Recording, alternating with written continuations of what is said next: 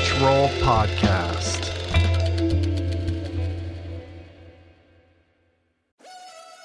We're brought to you today by On. I am a total gearhead. I love researching the latest technology for the sports I enjoy. And I've learned that people often overlook apparel. But what you wear isn't just clothes, it is, without a doubt, technology. Technology that can make or break a performance. And I can tell you, after spending two full days meeting with the apparel wizards at On Labs in Zurich, that On is innovating in this space like no other with next gen premium fabrics and just this heightened level of sophistication and precision and testing and development and intentionality previously unheard of that puts them just miles beyond the competition. I've been rocking On's high performance running apparel, including the long tees, the weather jackets, even the climate jacket, all super lightweight, tailor fit, built to move, and just gorgeous to get you out and get it done in fleet-foot comfort no matter the weather. I'm super proud to be a brand partner with this impressive team. From increasing product sustainability to improved energy return and impact protection, truly Swiss innovation at its finest. To get you moving, On is offering an exclusive 10% discount. To redeem, head over to on.com slash richroll and use code richroll10 at checkout. Meditation has been a recurring theme on this podcast dating back to its beginnings. And in conversation, always leads people to asking me about the best way to begin. There are no shortage of modalities, of resources, and apps available. I have experience with many of them, but my mainstay, I have to say, the one that I have found most useful is waking up. It's this unique treasure trove of wisdom that has become so important to my daily routine that the app finds itself right in the dock of my phone for immediate fingertip access. Beyond its robust catalog of daily meditations, it's also this extraordinary library of mindfulness resources that go well beyond the strictures of meditation with courses on stoicism, cognitive behavioral therapy, time management, procrastination, as well as thoughtful conversations with leading scholars on everything from psychedelics to happiness. It really is one of the most worthy investments you can make in yourself. And listeners of the show can get 30 days to try waking up for free. Plus, you'll save $30 on the in app price. If price is a concern, Waking Up offers the app for free, astonishingly for anyone who can't afford it. You can find the links on their website to get a full scholarship right now. Just go to wakingup.com slash richroll to start your free month today. That's wakingup.com slash richroll.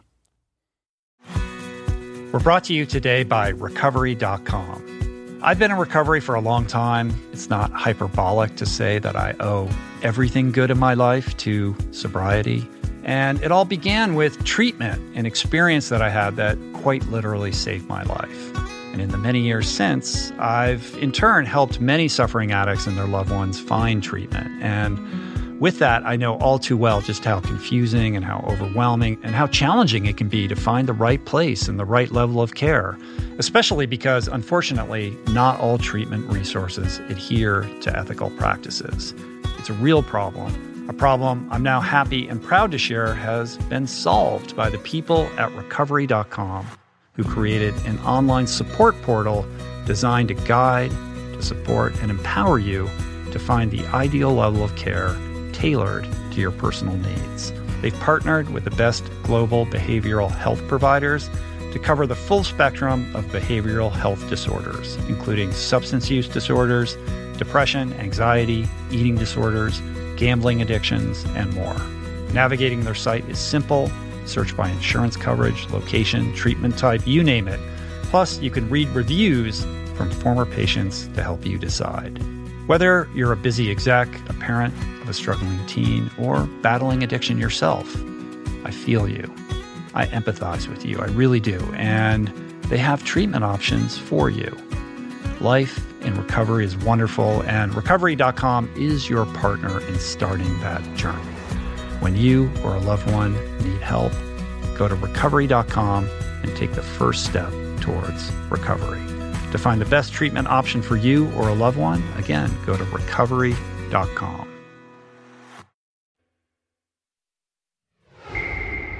All right. Adam and I are back, and once again, it's time to take roll call. We're back. We took a little bit of a forced hiatus. We're going to talk about that in a second. But Adam, how you doing? Doing great, man. Uh, feeling good. Great to be back in the in. Well, I don't want to step on the. It's great to be in this particular room with yes. you right now. Yeah. Um, good to see you, my friend. Roll on is resuming. Not only that, we are in a brand new studio.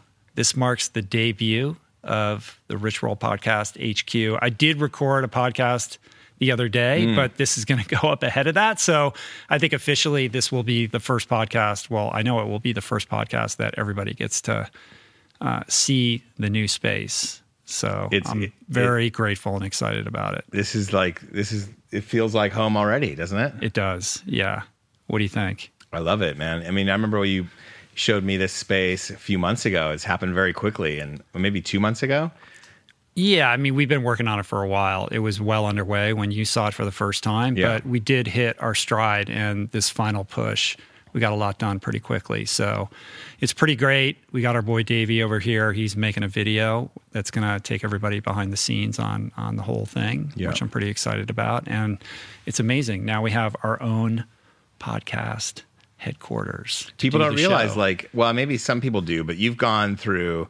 This is at least the fourth space that I know about mm-hmm. that you've been functioning, and five if you count two spaces, or six if you count three spaces for a well, I mean, originally it just moved wherever the guest was. Like okay. I was sort of a traveling salesman with the thing for for probably the the vast majority of the history of this show. I mean, I would do them occasionally at my house, but more often than not, even when they were in Los Angeles, I would go to the person's house and set up there, which was kind of fun because you're in their environment, so mm. they're already going to be more relaxed, and it just and it's cool to like go see how other people live, like the guests that you're gonna you're gonna talk to. Yeah, um, you get to, an introduction into their space, which I think you know helps inform.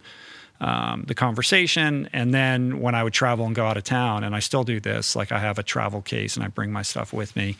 But then it kind of migrated to uh, this office. That's where we did the podcast. I had this little janky office in yeah. Westlake. Don't call it janky. It was a little janky. It was, it was fine. It jankish. was good. Listen, I was very grateful to have a space outside of my house to work, and I would do it there. Then we moved it into an open room in our house when the boys moved out, and that's where we started shooting video mm-hmm. and that's what most people you know have seen when they've seen the YouTube video yep. version of the show and then when the pandemic hit we had to, uh, for understandable reasons, you know, not be having people come over to the house all the time. So we moved it to a temporary uh, space, which is where we've been hosting it for the last nine months or whatever. Yeah. Meanwhile, while everyone's kind of sitting at home trying to figure out what's next, we kind of went bold and locked down this 2,000 square foot warehouse and began building it out. And here we are today. Into the, you know,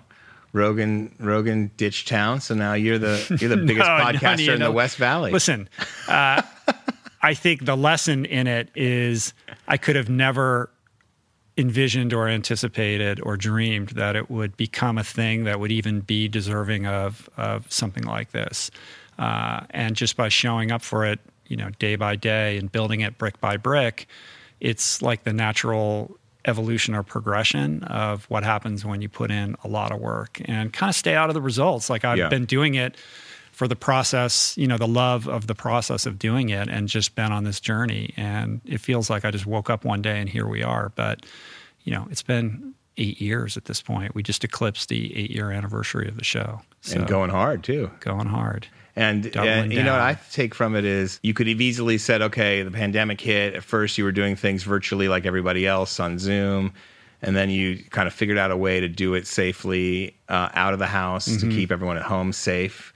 Um, and then it came into this. So it's like you, I mean, obviously you're in a good position to be able to do it, but you were thinking, you were able to kind of flip something that could have been kept other people cramped and mm-hmm. their vision kind of uh, insular and not looking to to jump ahead. And you were able to kind of figure out a way to make this whole thing uh, a move for you in Yeah. a positive direction. Yeah, I mean, I it's it's a risk, but there is something cool about um, investing in ourselves, especially in a moment where there's a lot of uncertainty.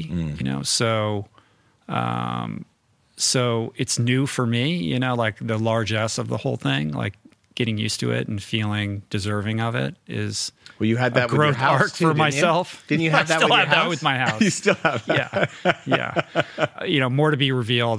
Like I said, we're going to do a video and, and show everybody everything. We've got a cool lounge here, and it's just a great place for guests to come and feel comfortable, and and also um, a place where the team can come and work. Also, so Yeah. we're not just always a distributed, you know, group of people working on the show.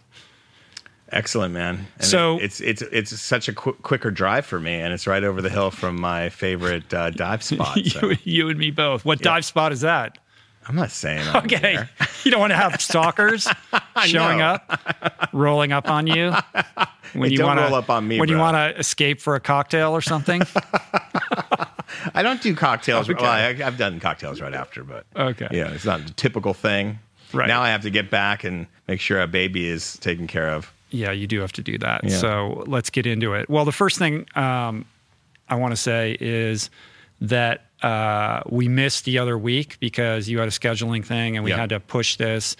And there were a lot of people that were like, "What happened to roll on? Like, I, know. need my roll on fix." so that was nice. Thank you. I'm glad that you know people are enjoying it and feel like they missed it. Yes, That must feel good for you too. it does feel good. It was. uh It was. I didn't expect that, but it was just one of those things. The scheduling came up last minute. I couldn't be avoided, and uh and it's nice to that people are are are needing that fix, and it's nice that we're delivering something to people that they are enjoying, and that I'm a, a part of this great show. I'm. I feel like You're every- a podcaster now. I. I am a. I am now a podcaster. Yeah. I can't deny it. That's true. I'm, I like it though. I like Right. this form. I like new media.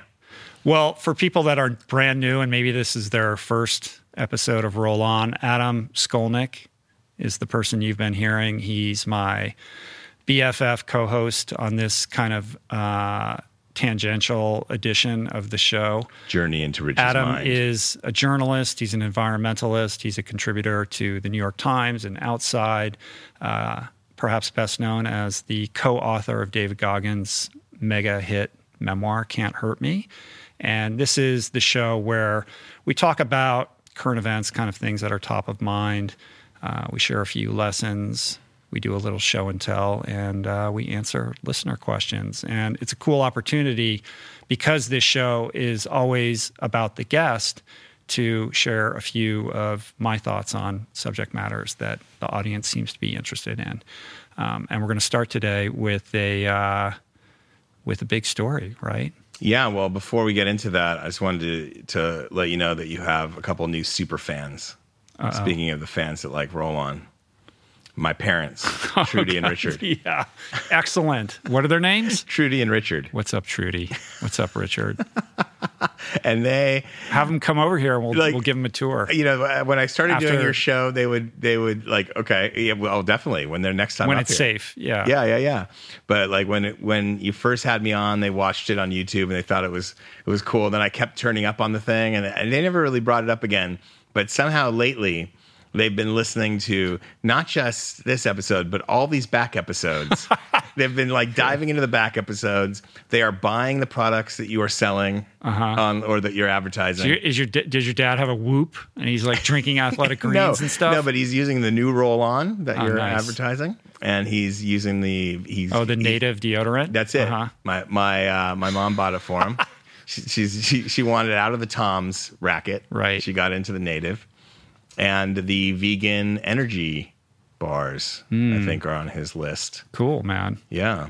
That's very cool. So yes, so they're your newest super fans. They're probably listening to a back episode right now. They're deep in the archives. Right. Well, I think we'll do. Maybe we'll do. There, this is actually going to. We're going to be taking a little bit of a hiatus from this show, actually, because I'm going to take a break in January. Um, last year at this time, I took all of December off, and I was in Australia, and it was really um, great to just hit pause on my professional life. Um, I think we all need that at times in our life. And uh, I intend on doing that again just in January rather than December. So I've been working my butt off the last six weeks or so. Um, along with the team to get all the shows essentially produced. So there, will be no interruption in the podcast. The shows will go up as usual. There just won't be any roll on because these are recorded contemporaneously right. when we publish them. So January, you're saying I, I don't have work in January. I'll see you in February. right. So uh, we might so we got to make it count. In. We might sneak one more in, right? Mm, no, maybe we maybe. filled the we filled the schedule out for for January. Okay. No room for another roll on in January. All right. Well, so I've got, I've got, i thought I had. We'll make it count today. To convince you. Yeah. Yeah. Let's get into it. Let's do it, man. So the first thing that that I wanted to talk about was a story that um, that that that definitely impacted me uh, for personal reasons and, and for broader reasons of, as well. Um, and that is the the passing of, of Tony Hsieh, who was the founder of um, Zappos, who passed away um, on November 27th. He was 46 years old. The cause, the stated cause of his death, was related to smoke inhalation from being in a fire. But there's a lot more to this story, and I think there's so many um, interesting threads tragic threads to pull on yeah. to kind of understand what happened here. No doubt. Uh, um, when I first heard the story, and I, am not, I, am new to him.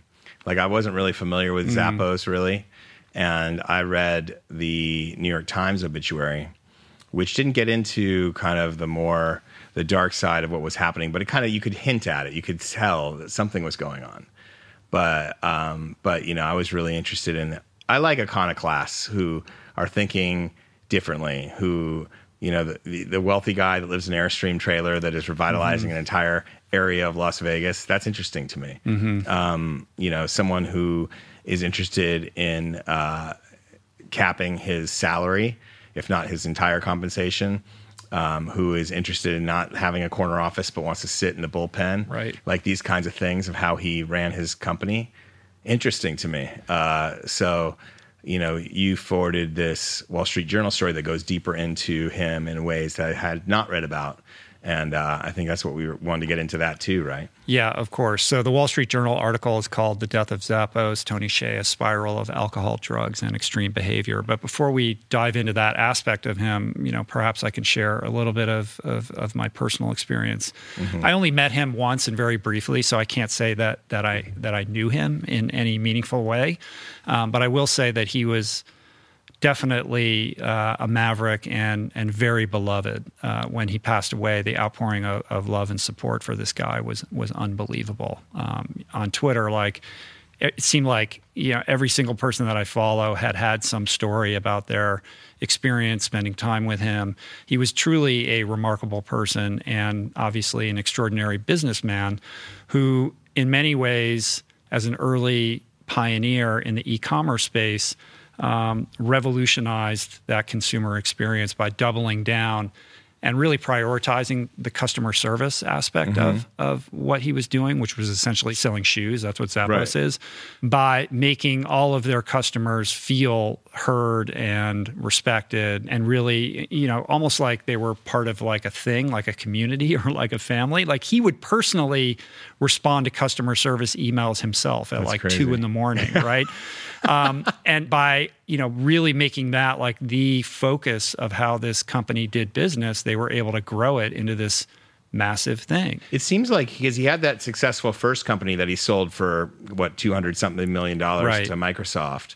It's almost like Zappos became his his petri dish for how to run a company and how to how to be a business person mm. in a in a new kind of way, right? Right, right. And and and like you said, he would sit out in the bullpen with everybody else yep. and he didn't have a corner office and he was a guy who loved people and you know for reasons that that you know we're going to get into like needed to be with people all the time. He didn't like executive row like they called it that. He liked monkey no. what they call it monkey row? Uh, something like that? is that what he called or, it? yeah, something he, like that. yeah he liked that better. So i first um, when i met him it was because i was invited to come to zappos as part of a kind of curated weekend um, called uh, the downtown project my friend Amanda Slavin, who had a company called Catalyst Creative, would invite a group of people like a couple weekends a year. I don't know, maybe she did it every couple months to come and visit Zappos, but also get a taste of what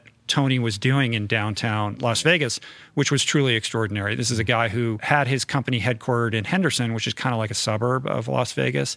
He decided to move the company into a pretty decrepit uh, part of Las Vegas, the downtown area that's well off the strip, which was the original kind of city uh, yeah. of Las Vegas that had fallen into you know a, a, significant level of, of disrepair and and most of the buildings down there were abandoned and he envisioned creating this campus kind of like NYU mm. where Zappos would be integrated into the city amongst many buildings where people would walk you know or ride bikes around in between them with an effort of really revitalizing this part of the city.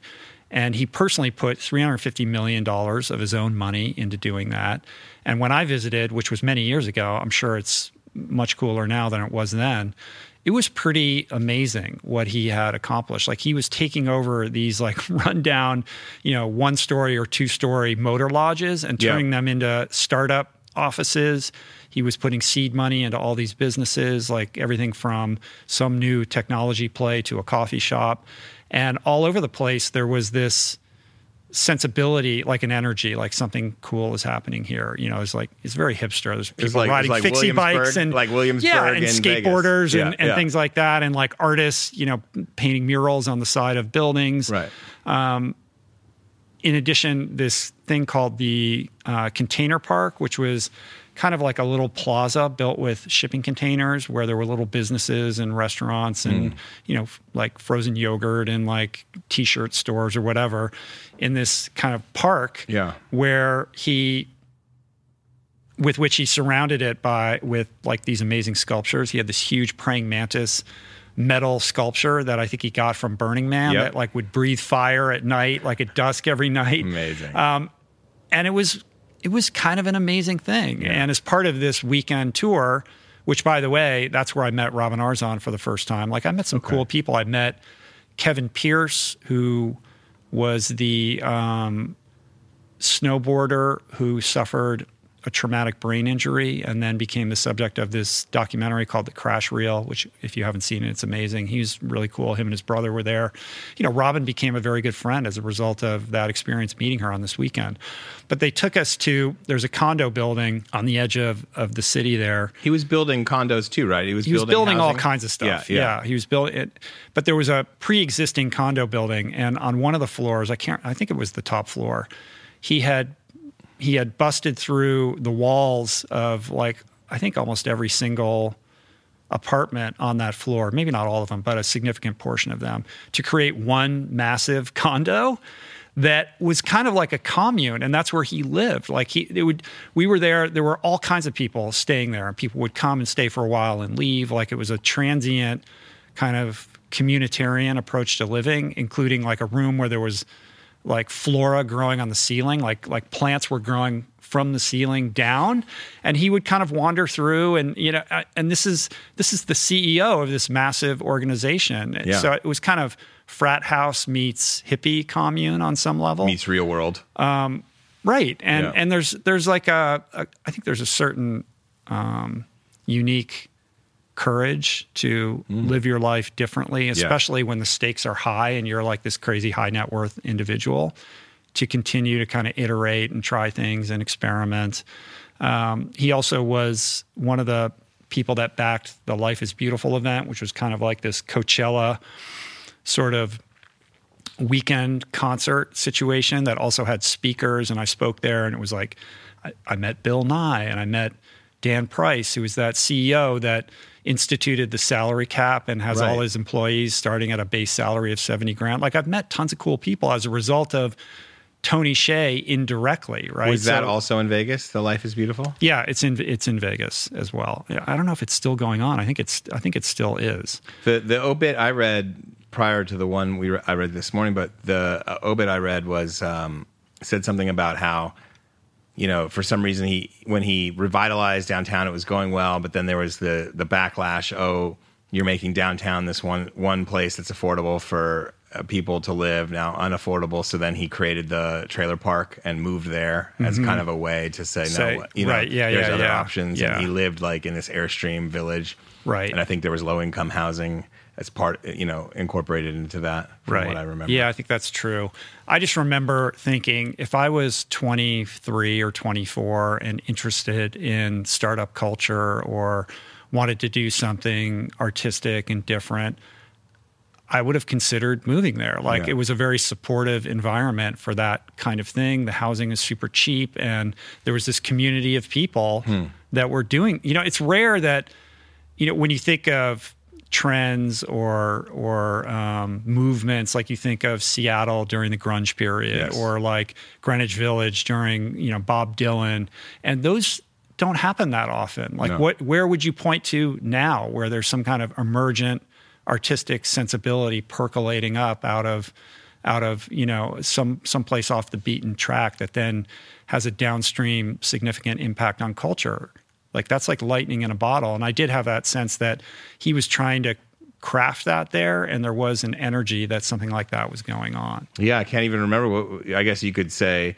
Williamsburg in the 2000s in New Maybe, York. yeah. and uh, but there you can't really point to like some big cultural event that came out of that, other right than just. i mean know, i talked to hipsterism. i talked to my you know my boys are musicians and we have this conversation a lot i'm like where would you go right now like where is the music scene happening and they're like it's not really like that anymore On because Zoom. of the internet yeah it's like like remember when um like when Beck was coming up and LA was having a moment. Yes. At um what what was that place in Silver Lake where all those bands would play? bright spot. No, no. Um, yes. Star uh, starts with an S. Yeah, yeah. I'll think of it in a second.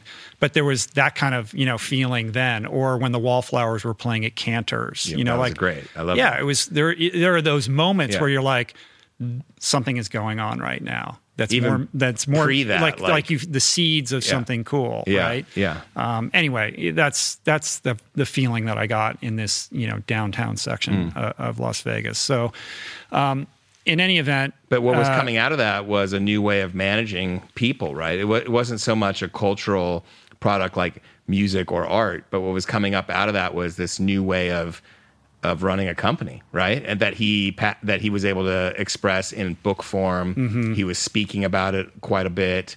He was demonstrating it. It was a dem- his life was kind of uh, not a performance at all, but like a demonstration of of a new way of being Right. if you want to be a CEO, which you don't really see. Usually, what you see is yachts and you know Davos. Right. You don't typically see Airstream. You know, be on the same level with the people that you're managing. You don't typically see it, and when you do, it's news. That's why the seventy thousand dollar a year CEO is news.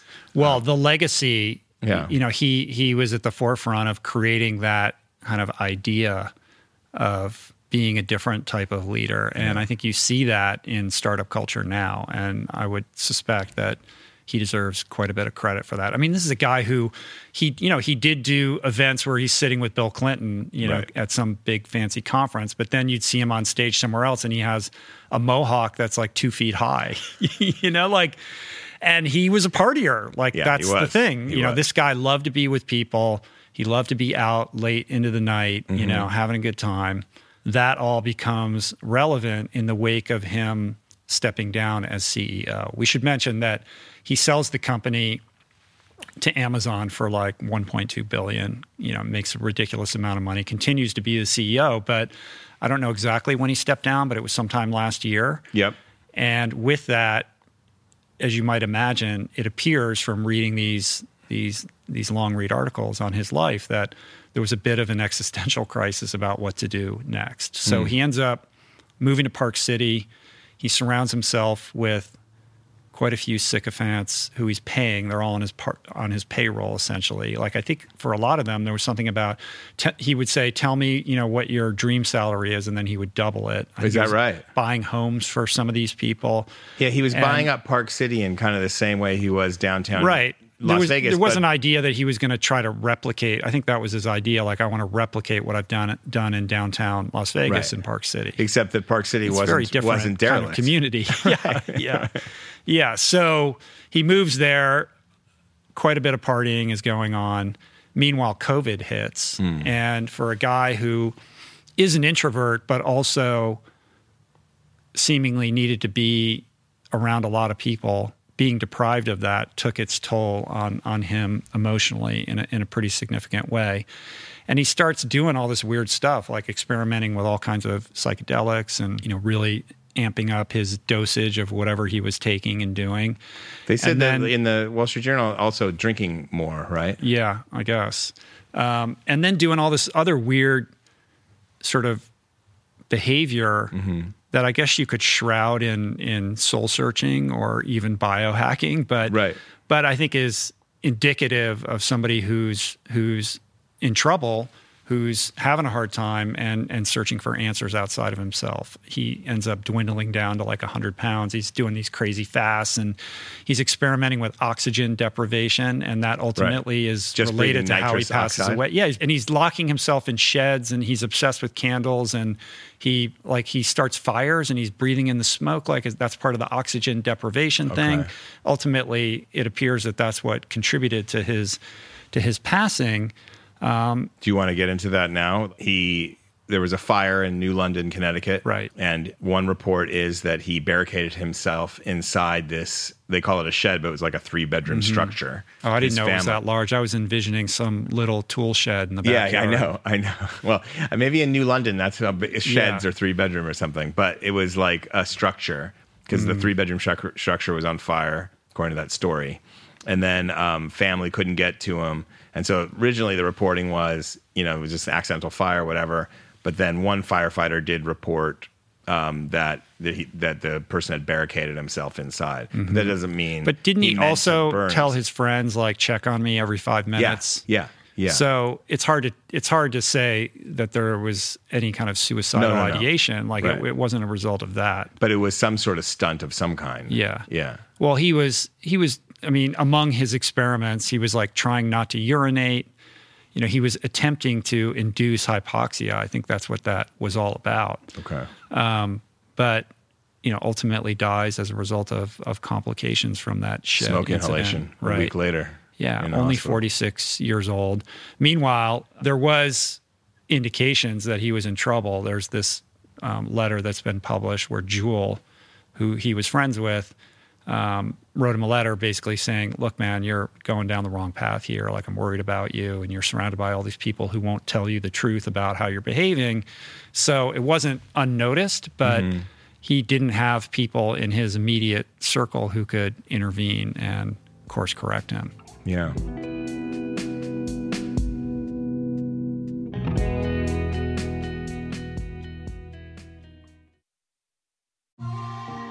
I'm super proud to announce my next venture, Voicing Change Media. This beautiful consortium of thinkers, storytellers, artists, and visionaries, all committed to fostering meaningful exchanges and sharing thought provoking content. Voicing Change Media will feature shows like The Proof with Simon Hill, Soul Boom with Rainn Wilson, Mentor Buffet with Alexi Pappas, Feel Better Live More with Dr. Rangan Chatterjee, and The Conversation with Amanda de Cadenet. You can explore this network and all its offerings at voicingchange.media.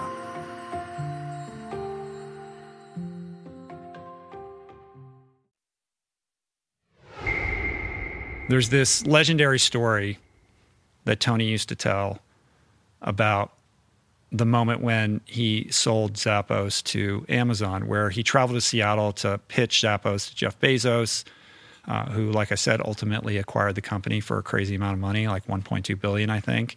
Um, and in the middle of the presentation, Tony starts talking about the science of happiness and how, you know, at Zappos, he was trying to use the company to serve the customers and the employees better. And Bezos then says, well, you know, people are pretty bad at predicting what will make them happy. And Tony then says, Yes, but apparently you are very good at predicting PowerPoint slides because his next slide addressed that very thing. But this idea of being bad at predicting what will make people happy is so interesting because you can make the argument that Tony couldn't predict his own happiness. And this mm. is a guy who wrote a New York Times best-selling book called Delivering Happiness. Like he was the happiness guy. He was all about serving other people.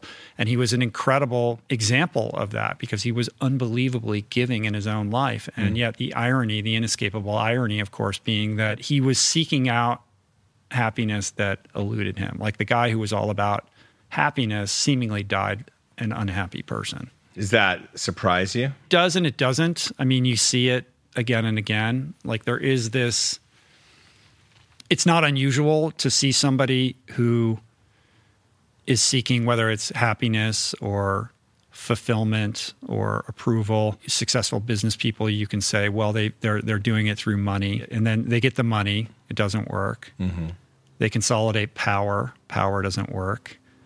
They try to find it in sex or polyamory or something like that. Right. You know, then you turn to drugs. Maybe drugs will be the answer, which which you know kind of broadens the aperture of what we want to talk about because that involves psychedelics and psychedelics are are you know very much in the news at the moment as a treatment protocol for that thing that we're seeking that that that sense of happiness or as a protocol for dealing with things like depression or, or, or PTSD. Yeah. Um, obviously, in, in Tony's case, you know, he's taking it to these extreme levels, like you know, losing all, you know, dwindling down to 98 pounds, fasting, breathing, you know, all of these practices. So, what is fueling all of that? Like, why is it that this guy who seemingly had everything, who was about happiness, who was so generous with the people that he cared about, um, was pushing the envelope so hard at this phase in his life where most people would look at it and say, dude, just like hang out. It's good.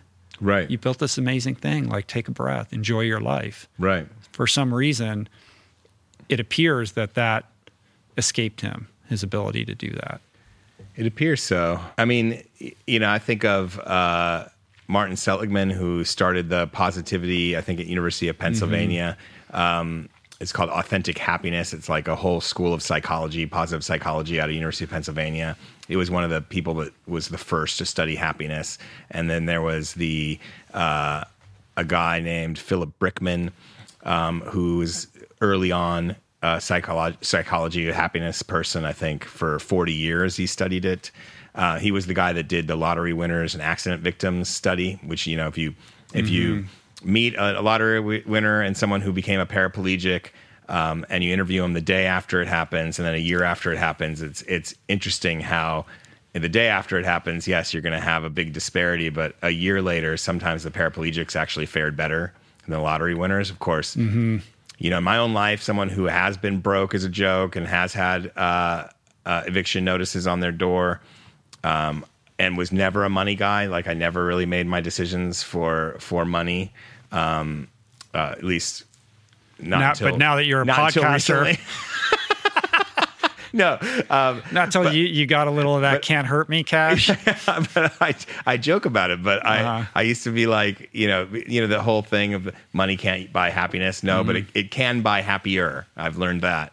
Um, but that's up to a point. I think that's what these studies show. It's up mm-hmm. to the mm-hmm. point. Anyway, the to, not to bury the lead, but uh, Philip Brickman uh, took his own life, and he was an expert in happiness. So yeah. it's almost like there. And I think we should get back to the psychedelic drugs in a second, but like because uh, I've taken my share of those too. But and I, you know, and we should talk about that. Uh, but I think there's something. The problem isn't happiness. The problem is like what are we chasing as human beings? What's the human animal looking for? Mm-hmm because I'm not sure happiness is what we're designed to look for and consume and thrive under. You know, I think happiness is great. We all want to be happy. We all want comfort. We all want to be fed and watered and loved. But um, I don't think happiness is a, pers- a, permanent state anyway. And to pursue it at, at, at, as the main goal in life might be actually the wrong thing to do. Mm-hmm. Well, happiness is a very effusive, fleeting emotion. It's right. it's not really a state of being. It's right. like a byproduct of something else that kind of comes and goes. And I don't think we're hardwired to just be quote unquote happy, like right. as a as a permanent state, right? Right. Um, I like to think of it more in terms of of you know feeling purposeful, intentional, living a meaningful life, and as a result of those things, like being fulfilled. Like I'm very fulfilled in this vocation and in what we're doing right now.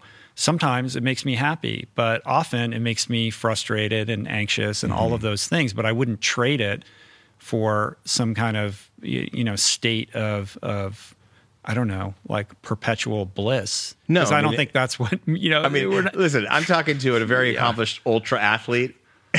Those are not the people not- that seek out happiness Right. typically, right? Like you're seeking something beyond that. You're seeking you you like ultra is the crucible to which you learn about yourself. Mm-hmm. It's kind of a, a good analogy in some ways to psychedelics, although Right. psychedelics would be a shortcut.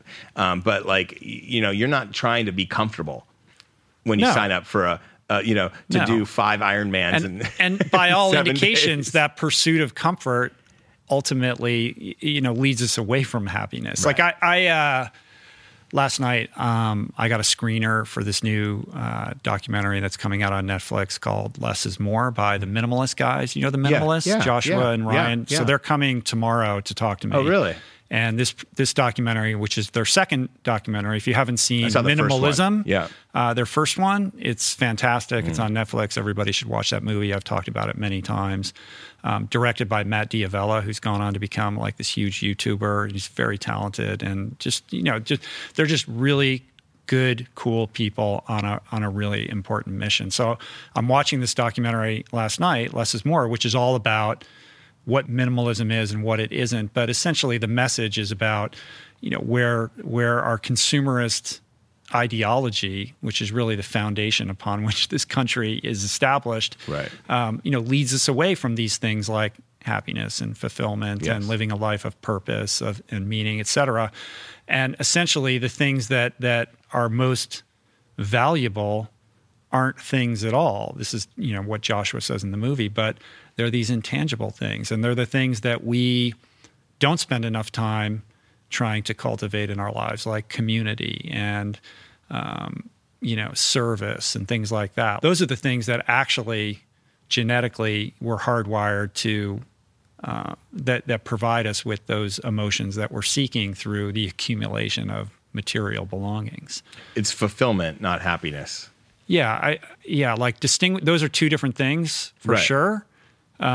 But which one is the is the I would pick I would pick fulfillment over happiness. Like I, I don't even know how you pursue happiness. Well, you you can. I mean, like, like there's this idea that I think the idea that Tony was trying to put out there was that there's a way to have a happier workforce because what does happier workforce mean? It means employee retention. You keep the intelligence, industrial, ca- whatever it But is. that happiness is a product of them being fulfilled in their in their role in the company, right? Because they feel empowered, they feel seen and heard, they're taken care of, they're respected, you know, all of these things that yeah, I guess fall under the the the umbrella of happiness in some respect, but you know, how are we defining happiness and what does that actually mean? It's, it's a good question. It reminds me of like it's like the intellectual version of what Guru Singh always talks about when he talks about food. You know, people people nourish their bodies based on the the first inch of taste buds. Yeah. You know how he talks about that, Right. And and it's like uh, it's the same. That's it's kind of like the intellectual equivalent. Like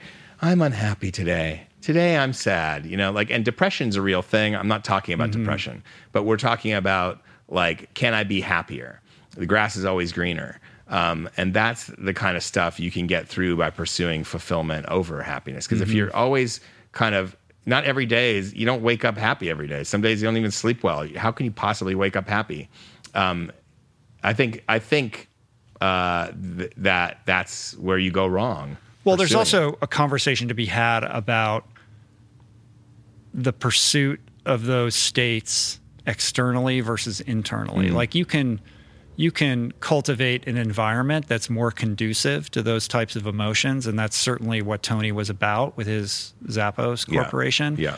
Um, but ultimately, it's also and fundamentally, mostly, it's about your relationship with yourself, right? So you can be in a great job, but if you're disconnected from who you are, or you're you know in in the wrong career path, or you don't understand how to have functional relationships with other people, or you have unresolved childhood trauma, or you know all of these things contribute to that, right? Right. And if you're blind to that, and instead focused on the big screen TV or the next thing that you're going to buy, or the job promotion or the car lease, then you're losing the opportunity to really, um, you know, wrestle with what it is that fundamentally is going to lead you towards a path of greater fulfillment and, as a byproduct, happiness. Yeah.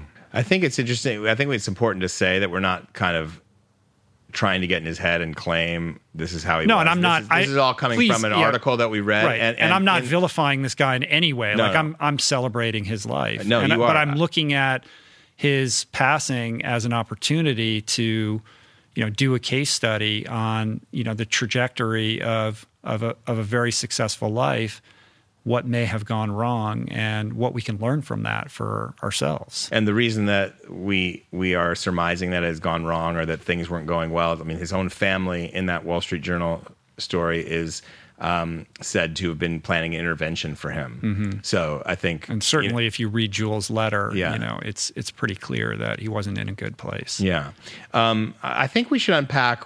Uh, a little bit about the psychedelics because Yeah. I know that that there's kind of overlap there with with um, kind of some stuff that you talk about in guests even, Mm-hmm. and so uh, what what are your thoughts on that? Because I know that um, it seemed, according to that st- one one story, that he was increasing his intake in, in ecstasy, and I think was it mushrooms or something like that. Yeah, I think there was some psilocybin. I don't know if there was ayahuasca or DMT. I mean, he was a big Burning Man guy, so Mm-hmm. I wouldn't be surprised. I'm sure he's had plenty of psychedelic Yeah. experiences in, in his path, and maybe maybe those were spiritual breakthroughs for Right. him that that contributed to this culture that he created at Zappos. So Yeah. I'm not demonizing any of this, but I do think it's important to at least take a moment to pause on this notion of psychedelia for a moment because we're in a cultural uh, moment right now where there is this convergence of of that particular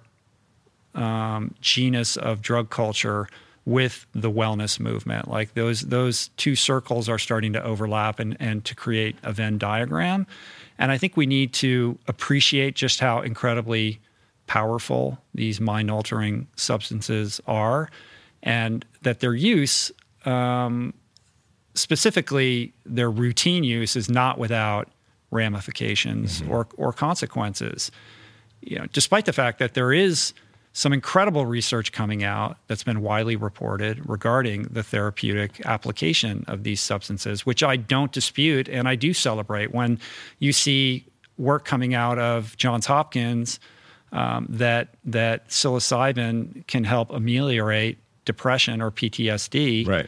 and these other therapeutic applications that are starting to to emerge from the scientific community these are good things. Like I, I'm celebrating that, but I also think that there's a difference between that and the kind of, you know, what happens is you see that, and then for some reason that creates a permissive attitude around these substances, and it trickles down into what does become routine or overly routine use with people. Right. Right. So, you know, if you look at Tim Ferriss talks about this all the time on his podcast. I think he's he's helped fund some of those studies coming out of Johns Hopkins. Oh, really? If you read Michael a- that's Michael a feedback book, loop. well, I mean, I think it's of personal interest to him. Right. You know, I, I think that he's he's very emotionally engaged with that um, with that whole thing, and I think that's a good thing. And you know, he talks about it all the time. And then there's Michael Pollan's book, How to Change Your Mind. Yeah. You know, and and uh, I think there's a lot that that can be learned from. You know, he subjected himself to all of these different drugs and reported on it and did a deep dive into into the science. So again, I'm not raising this in any disparaging way whatsoever. I celebrate all of this, but I do think it should be said, in my opinion, that there is an epidemic right now of very unhappy people, a lot of people who are in considerable pain. And although some, or perhaps even many of these people, may be good candidates for that kind of chemical therapy, there are too many people out there who are casually and irresponsibly looking to these substances for answers, for the answers that elude them, in this effort to kind of, you know, shortcut the path to greater self-actualization or happiness, or you know, at the end of that spectrum, Right. enlightenment or you know? sobriety. And it, I've and it heard does come. I've heard of people like actually going and get ayahuasca treatment in Mexico to stop taking opioids. I know somebody who Mm-hmm. did that. And I, yeah, Yeah. I do too. And Yeah. I and I know people who have done that, and it's been successful for Yeah, them. yeah. So again, I'm I'm not robbing those people of those experiences. I'm No. I'm validating that.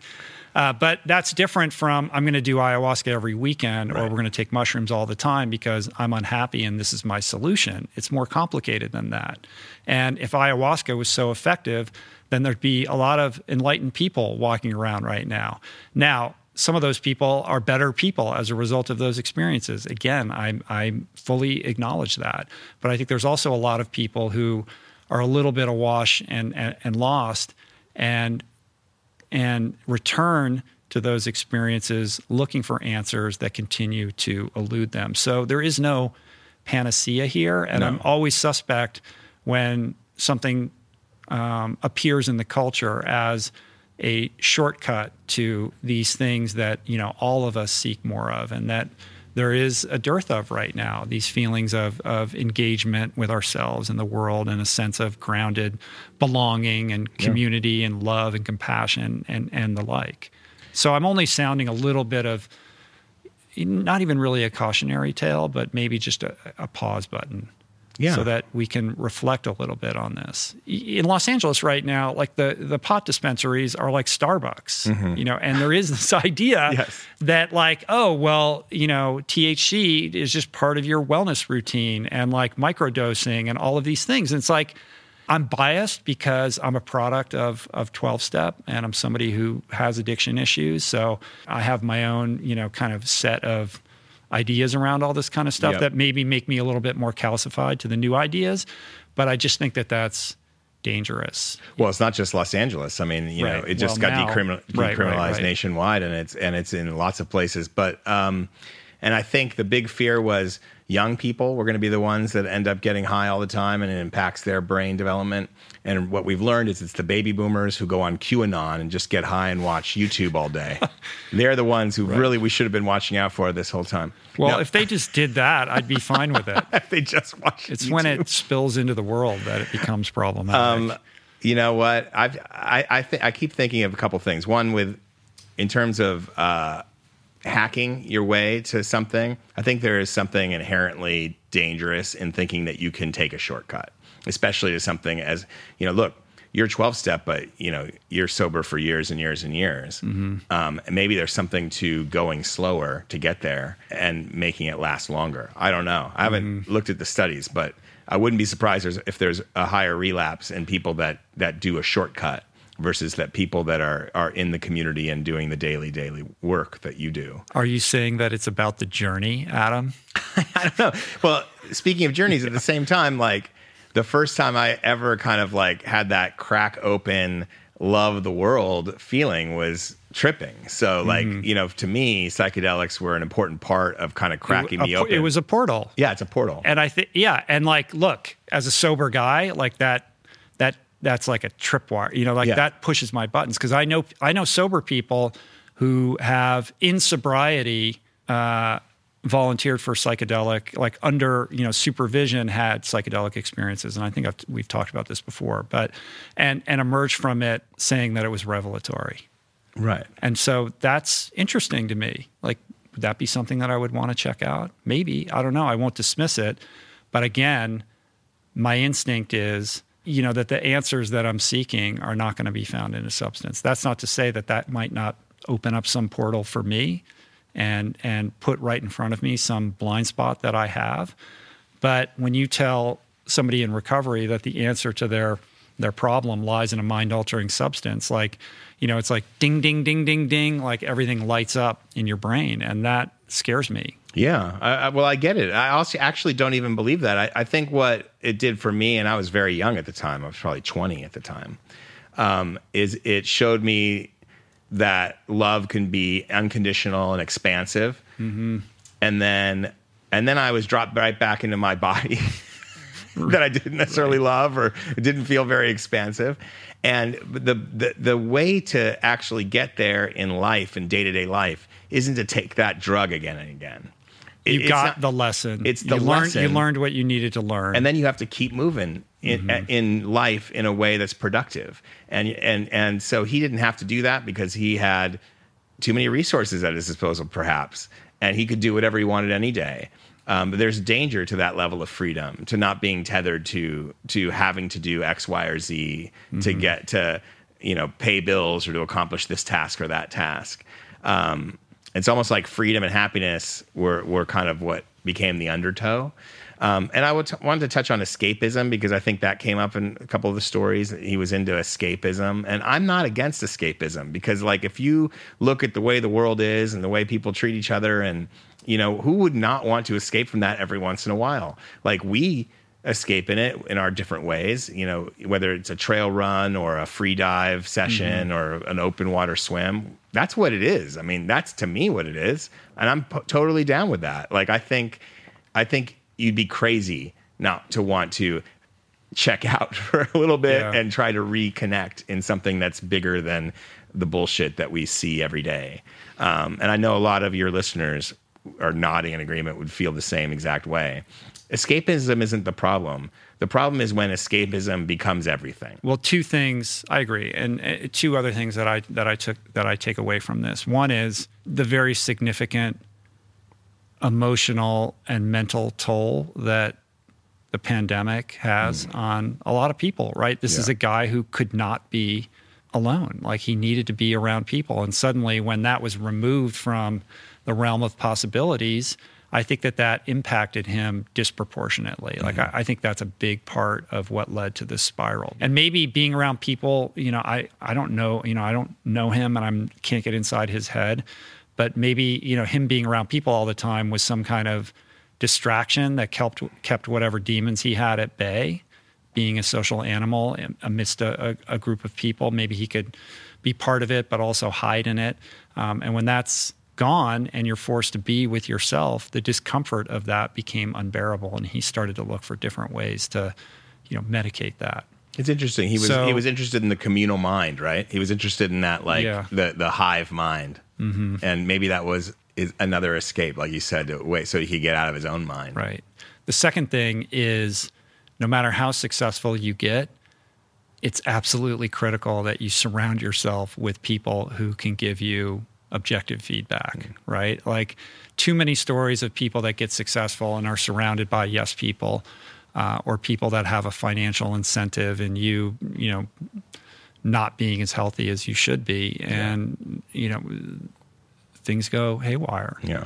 Um, so surround yourself with good people and solicit feedback, honest feedback on how you're living. And when people deliver that, don't take it personally. Right. Right. Like thank them for that because that's the stuff that's ultimately going to catalyze the growth. Growth over happiness. But beautiful man, Tony, and it's quite sad what happened. Uh, so yeah, I celebrate his life. But his, his life was be, kind of a work of art in a way. It, it was. Yeah. Inc- an incredible work of art. Yeah. An incredible work of art. So he will be missed. So let's take a break and we'll come back with a bunch more stuff.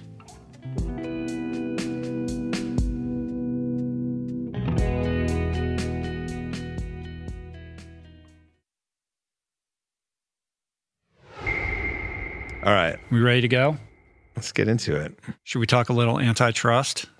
Let's talk antitrust. You're you are because it's people fascinating. Don't realize, people don't realize you're an antitrust uh, expert. it is. It might be one of the few A's that I got in law school. Rich Roll we'll got, got an A or two in law school. Which, let's just be clear, my father is an antitrust lawyer. Yeah. So so infer as you will my uh, deep-seated need to get approval from my dad. That that would have been the one A that I got in law now, school. in law school, did you have your Stanford swimming hair going still, or did it grow out by then? Uh, who knows, man? I was drunk the whole time. It's very, it's it's all murky. But no, not swimming, not swimming, not the chlorinated hair. Yeah. Oh, you mean the flat top? The from, flat top. No, no, no. I didn't have. On. No, no, no. We would get a flat top um, before big meets oh, every okay. year. So yeah, I I would rock that like once a year. Oh, that was just for not me. not a solid look. Okay. well, with the glasses like, that take up like the whole face too. Because I mean, with with that mane you have, I would I would I was going to be like, God, did he do that all in college? Because that'd be unfortunate. I have to wear my hair. This is the only way that it looks good. And you I, could grow then, long. You could get a, a, mullet going. Yeah, I could do like the Trump mullet and like mm. comb it over.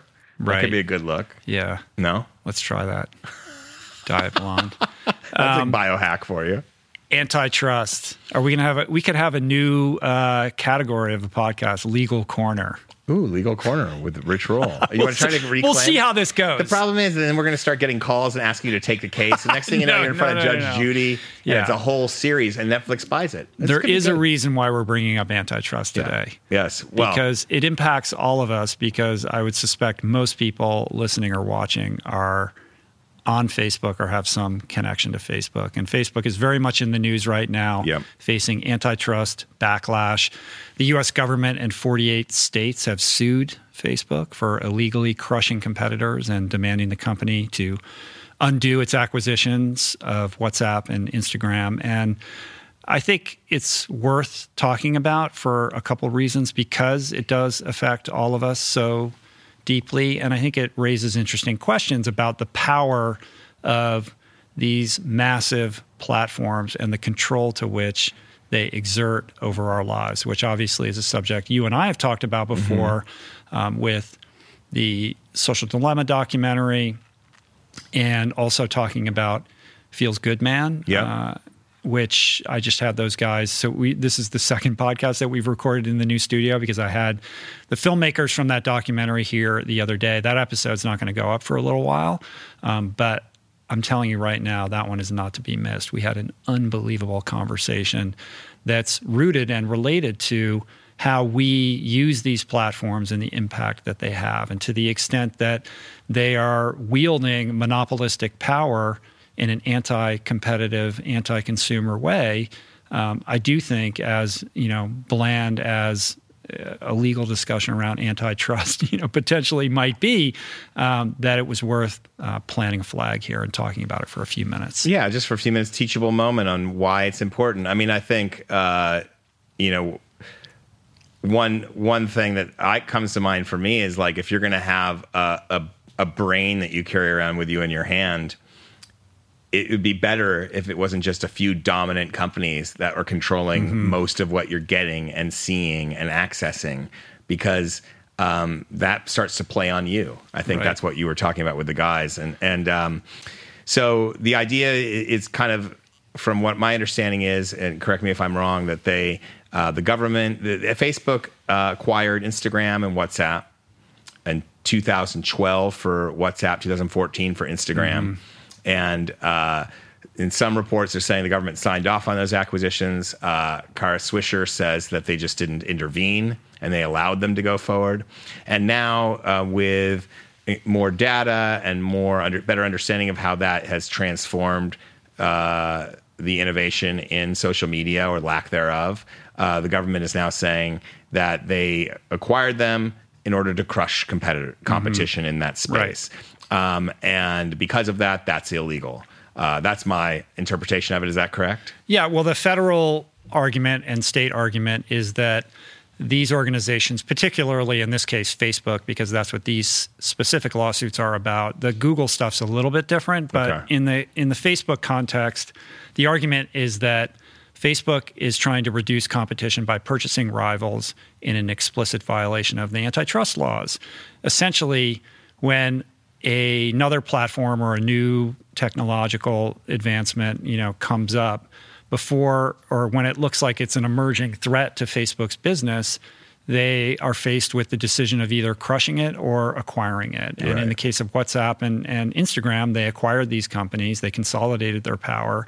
And um, that has a downstream impact of reducing competition in the marketplace at large. Facebook's argument is that as you said, the government signed off on these acquisitions. 2012 was WhatsApp, 2014 Instagram. They went through the whole process. Like when you when you're a large company and you're acquiring another company, the FTC and the Justice Department have to get involved. Like as a lawyer, I've been involved in in these situations. Like you have to produce a tremendous amount of documents. It's called a second request that the FTC does where they look over everything and they have to do an analysis like is this going to have an anti-competitive impact on the marketplace or what is the impact on uh, the consumer. So this gets run through their system. And in the case of Facebook, Kara Swisher said they allowed it to happen, but I'm sure you know if you were to talk to one of the FTC lawyers that they did look at this stuff pretty intently. signed off on it. So Facebook's saying that a do over is unfair. And second to that, their other argument is that Facebook actually made Instagram and WhatsApp better than they could have been on their own. Mm. If you listen to Kara and Scott Galloway in their podcast Pivot, they talk about this at length. And Scott, who's a professor of business at, at, at NYU and just you know has an amazing mind for these kinds of things, he's basically like, I don't think that that's true. I think that right you know, if you look at WhatsApp, for example, what would WhatsApp have been had it been independent, particularly in a pandemic? Maybe they would have gotten into video. Maybe they would have innovated in different ways. Maybe they would have acquired some other company. Maybe WhatsApp and Zoom would have would have merged or something. You know, like you can't say that these apps are better by dint of being under the umbrella of Facebook. Right. In fact, you could make the argument that Facebook has impeded their ability to iterate because when you're part of a massive organization, you're not going to be able to uh, be as nimble with yeah, your right. technological advances.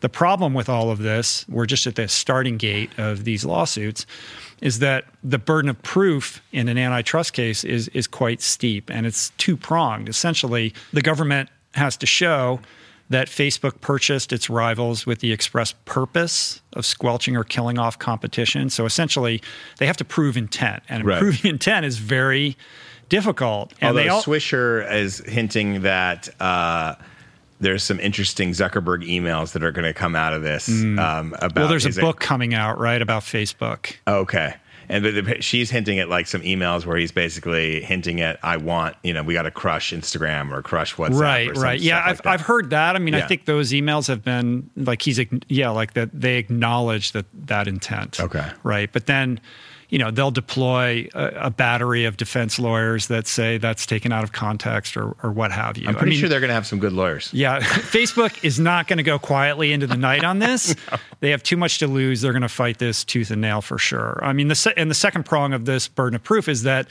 is that the government has to show that the consumers in the market would have been better off without the merger. And that's that's hard. That's a tough row to hoe. And my favorite part, there's a couple New York Times articles on this that that will link up in the show notes, but there was one where uh, where my former antitrust law professor, George Hay, law professor at Cornell and former antitrust official at the Justice Department, was quoted so I felt so good about that. He basically said it should be assumed that Facebook will seek to obtain all the internal work product that lay behind the original decisions that the acquisitions did not pose a competitive problem. Right. Right.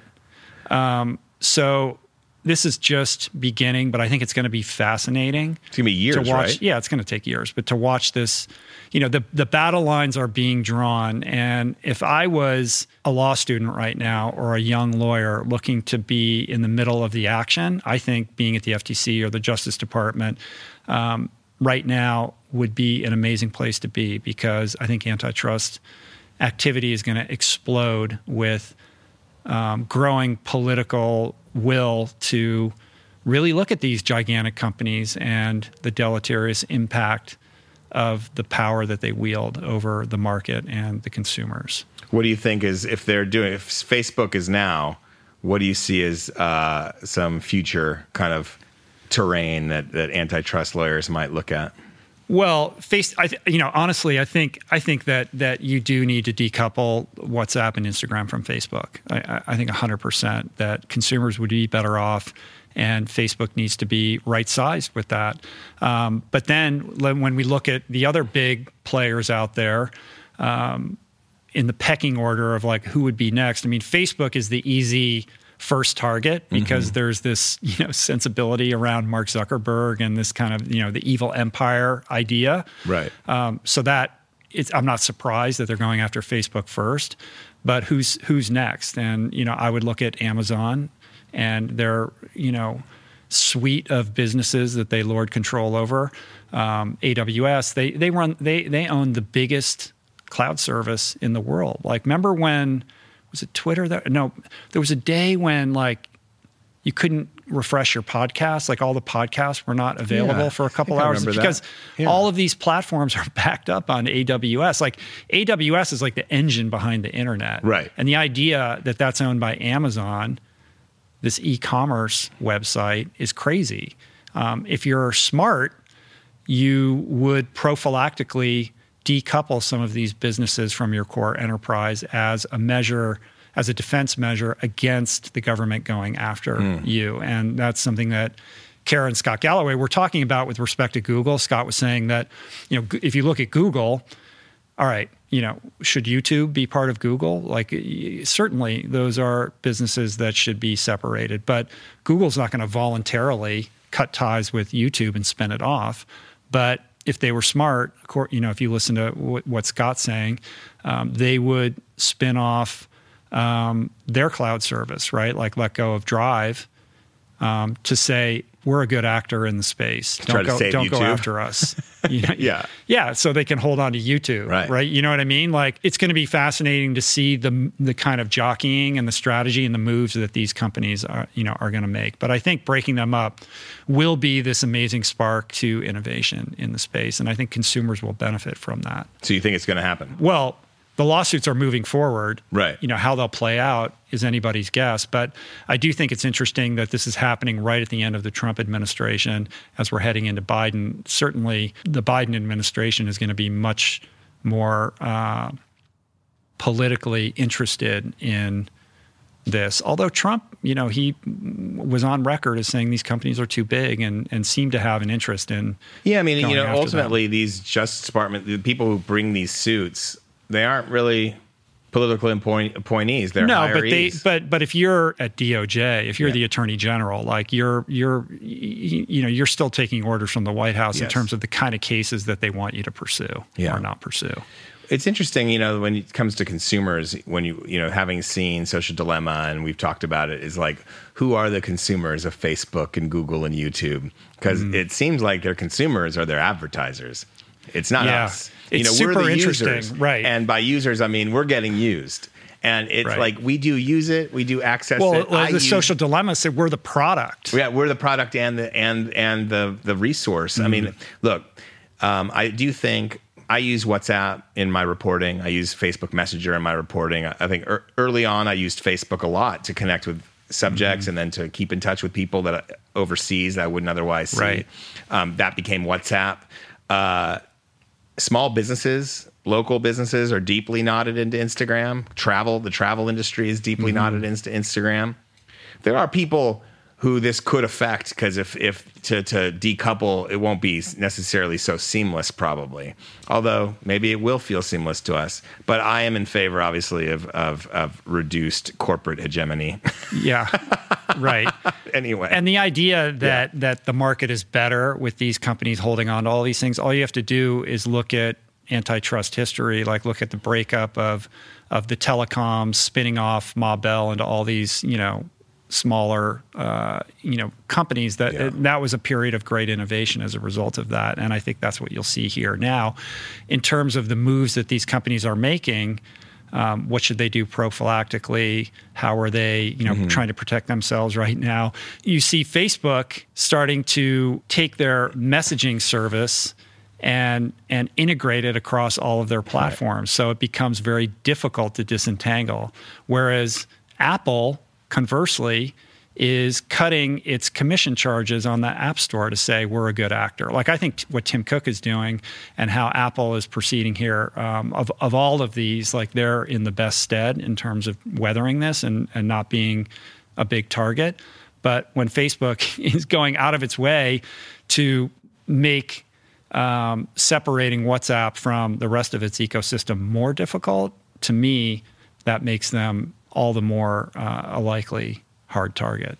Well, also Apple can afford it because their big money is the phone. It's the mm. hardware. You know, that's where they're making their their coin. Right. It's a different kind of yeah, thing. Different. But their profitability. I mean, they're so massive too yeah. that you know the lens is going to get you know aimed in their direction at at some point. But this idea of of who's the customer is super interesting. Yeah. yeah, like the advertisers are the customer. That's how they make their money. So they got to keep them happy. And that's what and I what hope is, comes out of this. Like right. that's the like who's the consumer? Because you know people are gonna the news is gonna be reported and consumer is gonna be used a lot. And I hope that what we're paying attention to is I want to know how who Facebook thinks the consumer is.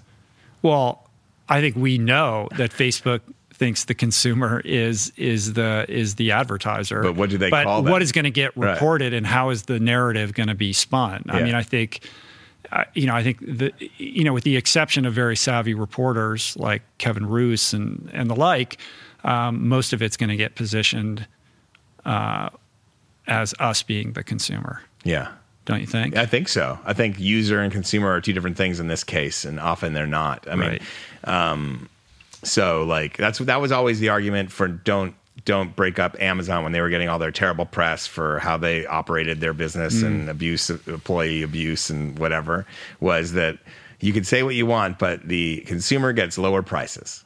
You know, they chase the, they tricky, chase the right? diaper company Right. out of business, but the consumer gets lower prices. They chase that company out of business. Walmart cracks down on mom and pop shops all over small town America, but the consumer gets lower prices. Mm-hmm. But the problem is when you look at things just like that, the the collateral damage is completely ignored and and you you wouldn't need to buy things so cheap if everyone made a little more money right if this if if the wealth was shared a bit more and that's the biggest problem with tech companies is they siphon money into smaller and smaller straws or big straws but for few people Yeah. and that's and that's why i think breaking them up and having more competition means more money gets spread around and i think that that's not being talked about really but that's what what it's about it's it's a way to redistribute wealth in an era of a gilded age hmm. Yeah, I mean, Facebook's argument is there is a robust market when it comes to social networks, and there is a lot of competition when you look at TikTok and Snap and things like that. But is there really? Who looks at tiktok You know? rich Who looks at TikTok? oh TikTok's huge. i know it's huge i We're a can't bring it old I can't. I can't i can't do it It's that's the bridge too far for me. I mean, my my daughters are on it all the time, I'm but sure. you know, yeah, I just that's where I have to draw the line and say, okay, it's not appropriate. i know maybe i'm just getting older know? i'm listening to the obama book that's what i'm doing are for entertainment doing? yeah How is it? it's fabulous Yeah, I'm sure it is. yeah Him and his little book out there. It's So little cute. dainty little 750 page volume one Yeah. All right. Well, more will be revealed on this, and I think that concludes this week's edition of Legal Corner. slash teachable moment Yeah. i hope you learned something kids what do we got next? We're going to do a little show and tell. A little show and tell baby Yeah. Well, my big show and tell, which you know we have lockdown cameras here, but my show and tell is our new studio. It's fabulous So check us out if you're listening on Apple Podcasts or Spotify. Go to YouTube and see what the new studio looks like. I mean, we we maintain the same aesthetic from the temporary place, Yeah. but we've dialed it up a notch. Yeah, I'm getting a pedicure right now. You are, yeah, that's right. It's socially I'm telling you, pedicure. it is next level. Some next level stuff's going on. Um, but you got a couple things you want to talk about, right? well, I just wanted to because I couldn't make. I wanted to say hi to the guys that made um, Feels Good Man because just to reiterate, I love that movie. I think it's one of the best documentaries I've seen in years. I highly recommend everyone to see it. And I love Matt Furie and and his his ill-fated quest to try to reclaim his froggy. Pepe the Frog. Right. Pepe the Frog? Pepe the Frog. Pepe. Um, but so my wife and I loved it so much, we went out and bought his children's book, The Night Riders, which is his attempt, second attempt, I think, Right. at reclaiming Pepe, but in a different way because he loves drawing frogs. Well, He's it's a been drawing- different frog. It's a different frog. They say in the movie it's unrelated to Pepe, it looks kind of a little like him. right? But I mean, he's the guy's been cuter. drawing frogs since he was a kid, Right. So he's going to draw them, and it's the artwork in here is spectacular. I mean, it's like it's like an art gallery as a children's book, and it's so weird. Mm-hmm. and there's trippy. no words in it, right? No. Yeah. It's like incredible. Th- that mushroom frame was in the movie. yeah. Okay. Yeah. Well, I'll get something. At um, oh, look at how he eats a moth. Right. It is. that It is beautiful. He is quite the artist, and it was a bummer that you couldn't be here when when Giorgio and Arthur were here because they were they were amazing. And uh, and um, I Yeah. watched I watched Feels Good Man a second time to get ready to talk Oh, to those you? guys, and it was better the second time. I bet. I mean, I'm telling you, this movie is unbelievable. And it's so shocking to me that everybody isn't talking about this movie constantly. it, it's it should be nominated for an Oscar. That's how Hopefully, good it is. if, if there's justice in the world, and maybe this is a subject for a future legal corner, if There there, is- was, if there was justice, Spoiler alert: there isn't. yeah, right. um, they will get an Oscar nomination. But Yeah. what's interesting about this movie is is that despite premiering at Sundance Yeah. and and winning these guys an emerging filmmaker award at that lauded festival, struggled to find a distributor. And so, although it's available on a variety of platforms online. Um, Apple TV, Apple Plus. Is it Apple TV? Apple Plus? What do you call it? Uh, yeah, it's Apple there. Plus. Um, they ask that people watch it there because Amazon takes a big cut if they watch it there. It's it's, Okay. it's available VOD, Yeah. but there is a, a a visibility problem. Like it's it's it's it's suffering from discoverability, I think. And Yeah. so I just want to shout from the mountaintops that I think everybody should see this movie because I just thought it was phenomenal. And everybody that I've turned on to the movie um, absolutely loves it. Davey's here. He was like watching it the other night, texting me like Yeah. in the this is unbelievable. You know, it's insane. It is insane. It like I, I was like oohing and awing and like feeling uh, the feelings I was getting similar to I got in Blackfish, which is another great documentary that Uh-huh. exposed something that I wasn't aware of. Um, but this is uh, artistically a whole nother level. artistically phenomenal Yeah. and also um, so relevant to Mm. our everyday lives. Like you watch Blackfish and it alerts you. It's an Right. incredible movie. It alerts you to, you know, a wrong in the world, um, but it doesn't necessarily, you know, impact you when you open up your computer screen every day. Right. Well, that's a perfect example. So you Blackfish alerts you to a wrong in the world. It's very captivating in its own way. Then you have like the R. Crumb movie, which alerts alerts you to weirdness and art Yeah. in the world in a in a very disturbing way. And you wrap those things two together, and the artistic value of this. I mean, I think the animation. I mean, this just is all those things wrapped up in one. It's that's why it's so great. So yeah, and I was i was delighted that they were the first. I love you, Adam, but I was delighted they were the first guests in the new podcast studio, Yeah. and they brought me an incredible gift, which was a print from Boys Club of the actual the um, moment. page where you know you see the f- the four pains or whatever it is culminating in the feels good man, you know, the page bubble. You're saying it's the page that Matt wishes he never wrote. I'm sure, That's the right? one you have. yeah, and it's in like this glow and glow in the dark like color Yeah. uh, scheme. It's like you know I don't know three by two and a half, like uh, just a beautiful print. And what a what a um, incredible like artifact of culture, Hmm. right? So they actually were going up to see Matt over the weekend and they were going to get it signed for me, which I will proudly be hanging in this studio. So I appreciated that. Hell yeah. It's very cool. Phenomenal. But that book I want to get um, in the in the movie they talk about the book and I can't remember was it his pu- the publisher or some somebody in publishing was commenting on on uh, the Night Riders and talking about how it you know it it's it's very much in the vein of where the wild things are Yeah. and, on that level artistically it, it you know it's Oh, it it's, it's a pretty cool book. But it, it doesn't have the words. It doesn't have like the, the the neat and tidy story for kids. It's like Mm. you can kind of see it's not necessarily for kids or for, it's for Did bigger you kids. buy it online Yeah, on Amazon? I'm not at liberty to say, Rich. We will figure out where the best place to buy that is and link it up in the show notes. Because if you're listening and you have uh, very young children, I think it would be a really cool holiday gift. I hear they sell it on Amazon. you heard. I've heard that. Right. But I'm not going to quote you on that. We're not getting into my past Yeah. purchases on this Okay. show right now. um, but I did make a past purchase. Uh huh. Rob Bell's writing class. Yes. Of I want to hear all about this. You were going to tell me about this earlier, and I, I said, don't tell me. I want to I want to just hear it fresh on the pod. Friend of the show, Rob Bell. Right. Very good friend of the show Hmm. and good friend in person, Also, both uh, of us. yes.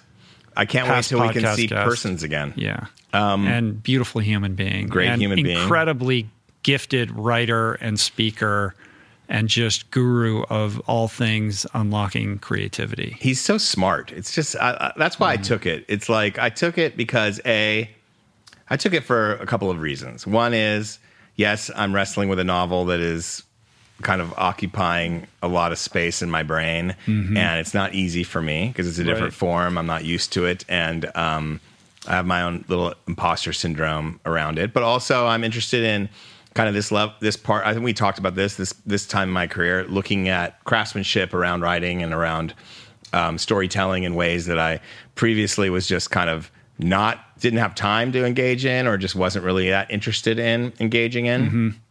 And so then knowing the third thing that Rob is so smart and brilliant that it's fun to listen to him anyway, talk Right. about anything. Yeah, I could So- just listen to him read the phone book and like, Exactly. raise his eyebrow. He gets so You know, excited. I know. Well, and so that's the and the first thing I noticed is that he and I are very very different in our approach to our own work. Mm. He's very thrilled by it all the time. And like at the beginning of a project, I'm very not thrilled with what I'm producing.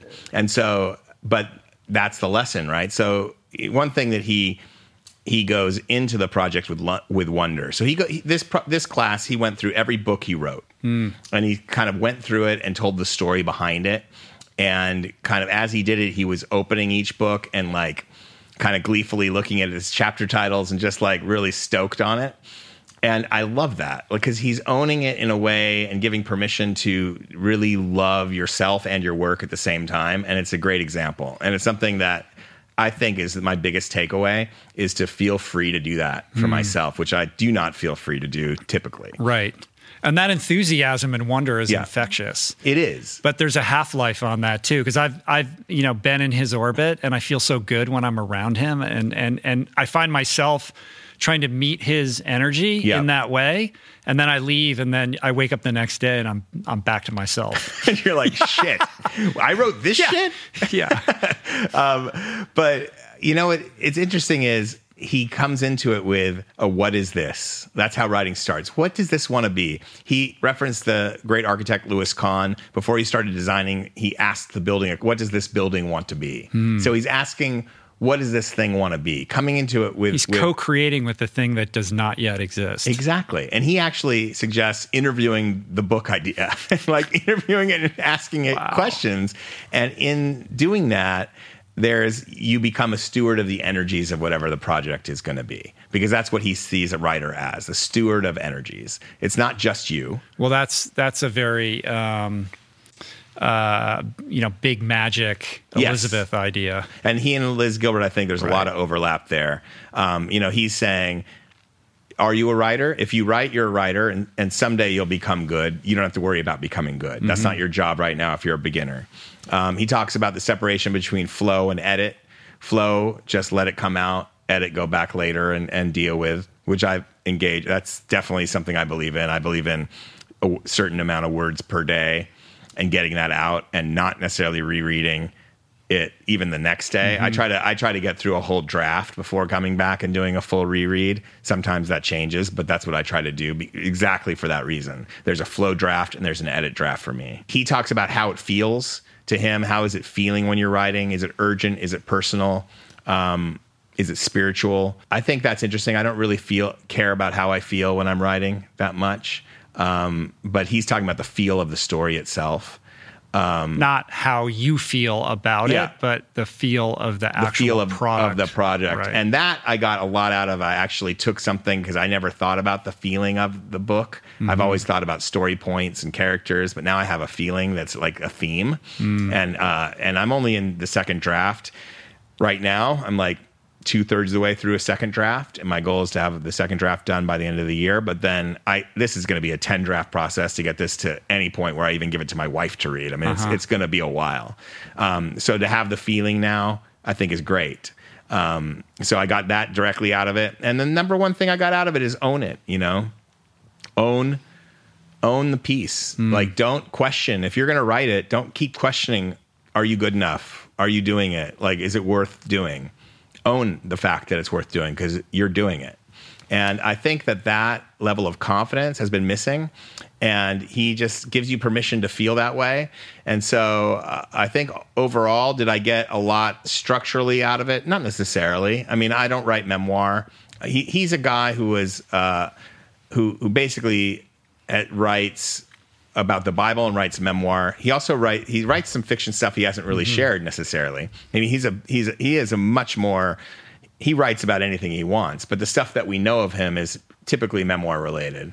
I don't do that. Did he share anything about productivity or uh, yeah. Sort of, you know res- the resistant the creative resistance and how to get over that kind of thing? Because the reason I ask is he's one of the most prolific and productive creative people that I know. Yeah, like, very he, just prolific. doesn't ever seem to, you know, get gapped out in any way. Like he's just constantly putting out amazing stuff. And even his podcasts, like the amount of intention and thought, like most of them are monologs, mm-hmm. you know, that could be characterized as sermons and they feel very natural and casual, but it's indisputable that he's thought deeply about everything that that he's saying, and um, the naturalistic, you know, approach that he like.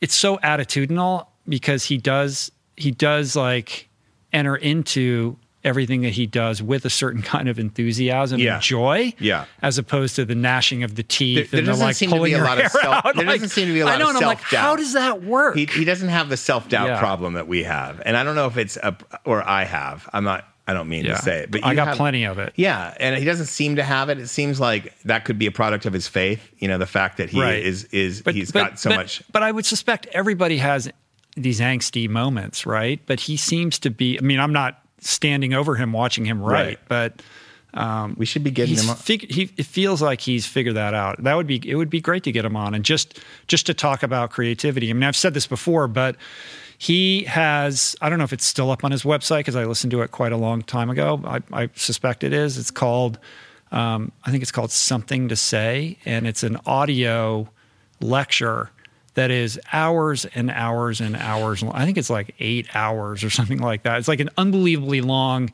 lecture, series of lectures on basically how to um, create like a speech or a presentation mm. or a keynote. Like if you have something to say, here's how you take an idea and and and turn it into something So- worthwhile. It's a master class on communication, on clarity of thought, on executing on an idea. Yeah. I mean, of everything that I've you know consumed on the subject of creativity and writing, it was the most interesting, thoughtful, and and helpful thing that I've ever listened to, and very different from anything else that I'd ever. Well, this was not consumed. necessarily that. So he didn't get too in the weeds on structure and like helping you figure right. out. This the- is a different thing. this but- was this is a little bit more general than I thought it might be, but but like a couple things that were really stuck out is if you've written multiple things, it's okay to go back to the drawing board and write this one differently. So to him, he's like, how am I going to write this one? Am I going to do maybe this one I'll do longhand. Um, maybe this one I'll speak into a recorder and have someone transcribe it. Um, he he likes to keep it fresh because for someone who's done a lot of writing and he's very prolific. I think it was like nine books we went through. I forget. Um, you know, like it, he he he's very open minded. He keeps that mind and that space as open as possible. Um, you know, how do I write this one? What does this one want to be? Um, how do I align head and heart? Um, and like I said, I'm, I'll quote him here. Here's the thing: own it, own it. The thing you're trying to write, own it. If it's a sci-fi novel inventing an entirely new world, make it as weird and wild and strange as you can. Own it. Own what you're trying to do. And that's the key. Like I think that writers can get into trouble trying to be too nice, and he hates that. And so that was a nice piece to hear from him, who's like typical, who is one of the nicer people you'll ever meet in your life. Yeah. For him to say that because. Uh-huh. Um, because he, he knows that that won't come across well on a page if something's too nice, if it doesn't have that edge, because there's nothing for the reader to hang on. Mm-hmm. And uh, I, I think, um, I mean, to me, he doesn't want people sanitizing their experience or sanitizing their writing. Um, but for me, the things I got out of it is how do I write this one? What what is the feeling of this piece? Um, and and own it. Those are kind of the three major Right. things I took. It was very worthwhile. And for somebody who's listening or watching who's Mm-hmm. not a writer or doesn't consider themselves to be a writer, but perhaps has a creative spark, like of these ideas, what can be extrapolated, you know, to the, you know, to anybody who's listening. Like the the the lessons baked into this are specific to writing, but they seem to me to be easily translatable to other pursuits. I think anytime that you have an idea that you want to pursue and you feel self doubt, it's okay to own what you're trying to do mm-hmm. and not give yourself a third degree about it too often because that can infect what you're trying to do. It can that insecurity can leak itself into into the work itself. Um, doesn't always, but it can. Um, so I think owning it is good. How do I want to go about it? And asking yourself those questions, even if you're mid-career in any job. Like, say you're a lawyer and you're taking on a new case. Okay, how am I going to research this case? How am I going to try this case? It doesn't have to be the same way I've done, even if they're all wins. What's the weirdest, craziest argument I could come up with? Right. right, yeah. how to attack each new project from a fresh and different angle. Yeah, and then he, you know he comes with the "don't be precious or attached to your writing." I think that's very important. That could be used for any idea in any job. Uh, don't be precious or attached to your ideas. But he has something that's interesting. He has a bits file. stuff that doesn't fit into the st- you know cuts he's made mm. that he wants to keep and then he puts it into a bits file and he's used that he gave a couple examples of using it, ends in up later in another books. book yeah right and i've never done that i always just yeah. move on completely and start again from a different Yeah. from scratch so that's interesting It's been years since I listened to that something to say, but I seem to recollect that one of the practices that he talks about is just being more observant in your daily life Mm. because if you're paying attention there's weird stuff going on all over the place and and making a habit of like writing one of those things down every day or like making a list of those things. And the more that you do that the more engaged you are with the world and your environment. And the more you pay attention the more that that kind of you know fuels a creative spark. I love it. That just reminded maybe me of, i just completely imagined that but i you know that just reminded sure. me of of that that movie adaptation where I um, just watched it a couple weeks ago where- with the boys. They had never seen it, and I was like, "How can you be cinematically literate and not have seen this movie? This is the greatest." it's the greatest adaptation I, it's easily in my top ten movies of all time. But I was splashed on that moment where Nick Cage stands up in Robert McKee's story class. Robert McKee is like you probably have heard of him. He's on Twitter, but he he he kind of burst Legendary on the scene screenwriting teacher yeah, wrote scri- story. script doctor. He wrote Right. Mm-hmm. story, which is amazing. And well, he's like the the the the mentor of the script doctors, right? Right. And Nick Cage raised his hand in this. You know, he's he plays Charlie Kaufman, very like mousy guy, and he's like. You know, I'm writing a story and it's about nothing. And because nothing happens in life, so I want nothing to happen in this movie. And Robert McKee just goes on. It's- Who plays Robert McKee's great uh. Brian. Brian. Um, what's his name? I can't believe I'm blanking on it right now. Legendary. Brian yeah, Cox. Brian Cox from and, Succession. and just launches Yeah. Launches in it. What do you mean nothing happens in life? And then basically he just like yeah, a lion's roar emits from his mouth in, in in an auditorium of thousands of people. Yeah. It's classic. it's a classic scene. Um, cool. anyway, Robert for- Bell's class was not like Yeah. that. So I did trust this was like on Zoom, or how did you do this? Yeah, it was on. Um, it was on Zoom. It was a. It was like he had us all kind of muted and nobody. You could. You Was could, it unlimited? Like you could, everybody could sign up. Yeah, And how it was often like does he it was do like fifty bucks, and he did like Right. a few sessions, and then and then um, people you could you could fire questions at him through the chat, Uh-huh. and he was answering some of them. So it was like a mix of like twenty minutes of lecture, then some questions, twenty minutes of lecture, then some questions, um, and. It was really good, and he's going to repurpose it. I think he's going to do some version of it on his podcast. He claimed. Oh, cool. But he hadn't decided when. Right. And so I don't know. Um, it was good. It was worth it. It wasn't, if you're looking for a nuts and bolts writer's workshop where you learn how to do X, Y, and Z, this was not that. But if you're looking for ins- true inspiration and trying to figure out how to find joy in it and to feel like you can do something, um, this was that. Right. And then if you're a mid career writer like me, just looking for a fresh take on how it's done, um, I definitely got something out of it. Right. Thus concludes the We Love Rob Bell fan club Yeah. segment of the show, which will likely reappear at some point. Slash Adam takes a class. I enjoy your continuing education. Adam's continuing Yeah. education. That could be a theme. Send me on another mission. Let's talk about this Goldman Prize as the win of the week here. Yes, the win of the week is the Goldman Prize. Uh, would you like me to explain the Goldman Yeah, Prize? please do. The Goldman Prize, uh, one way of putting it is it's the Nobel Prize for grassroots activists, which is really what the Goldman family, who's behind the prize, kind of created it for, was to reward people. Uh, every continent gets one winner every year, um, except for Antarctica. So six continents a year are recognized, um, and the winners are people doing grassroots work that have had a significant impact. And what they get is a cash prize, like the Genius Grant or anything else that they can do anything they want with, and it's a six-figure prize of some kind. I used to remember the exact amount, but it's escaping me. And so the first time I heard about Goldman Prize was when Berta Cáceres, who we I think we might have mentioned her on the show before. She's the Honduran environmental freedom fighter um, who was murdered for trying to stop a dam from being uh, built on the uh, river in in her ancestral homeland. I think we did talk about her. And I, I went down and like a week after she was murdered, another environmental activist was murdered there. And Honduras is there's no other way of saying it. It's it's basically verging on failed state status. The, there's so much corruption. Um, that it's kind of leaked all the way up to the presidency, and and the people who killed her have been connected to the to the current administration there through the electric company, mm-hmm. um, and uh, and so I went and reported on that. That's how I heard about Goldman. But what makes this uh, this announcement this week special to me is that Kristal Ambrose from the Bahamas, um, uh, uh ocean plastics uh, activist and pioneer in, in, in education and and uh, study of ocean plastics, uh, is one of the winners. Mm. And I was with her uh, on the Five Gyres expedition from Eleuthera, where she lives and where she works, uh, to Bermuda.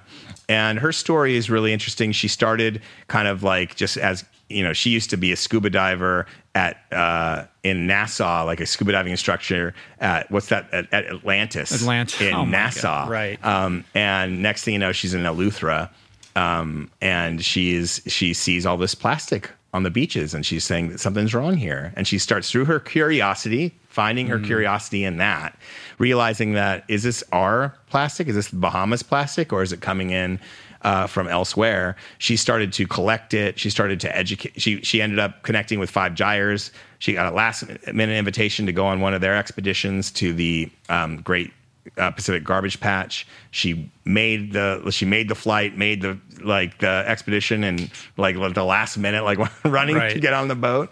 And next thing you know, flash forward, whatever, seven years later, I forget exactly how many years later, um, she's a Goldman Prize winner. And the reason that she won is because in 2017, at their fifth annual plastic camp, where she takes students of primary and middle school age and she gets them to uh, look at the problem of plastic pollution and come up with ideas that could solve the problem. It's a youth activism workshop. Um, she she ha- hosted a second edition with kind of her all stars from the summer camp program, which is and and did something. The first is kind of a plastic pollution work education workshop. Then she did this youth activism workshop with her all stars, and they surveyed the community to find out if locals would support a plastic bag ban. Mm-hmm. And through this process, the students decided, decided with Kristal, let's try to get the Bahamas to implement a plastic bag tax. Not a ban, but a tax. And so uh, eventually, she got a meeting with the Minister of the Environment in the Bahamas with the students.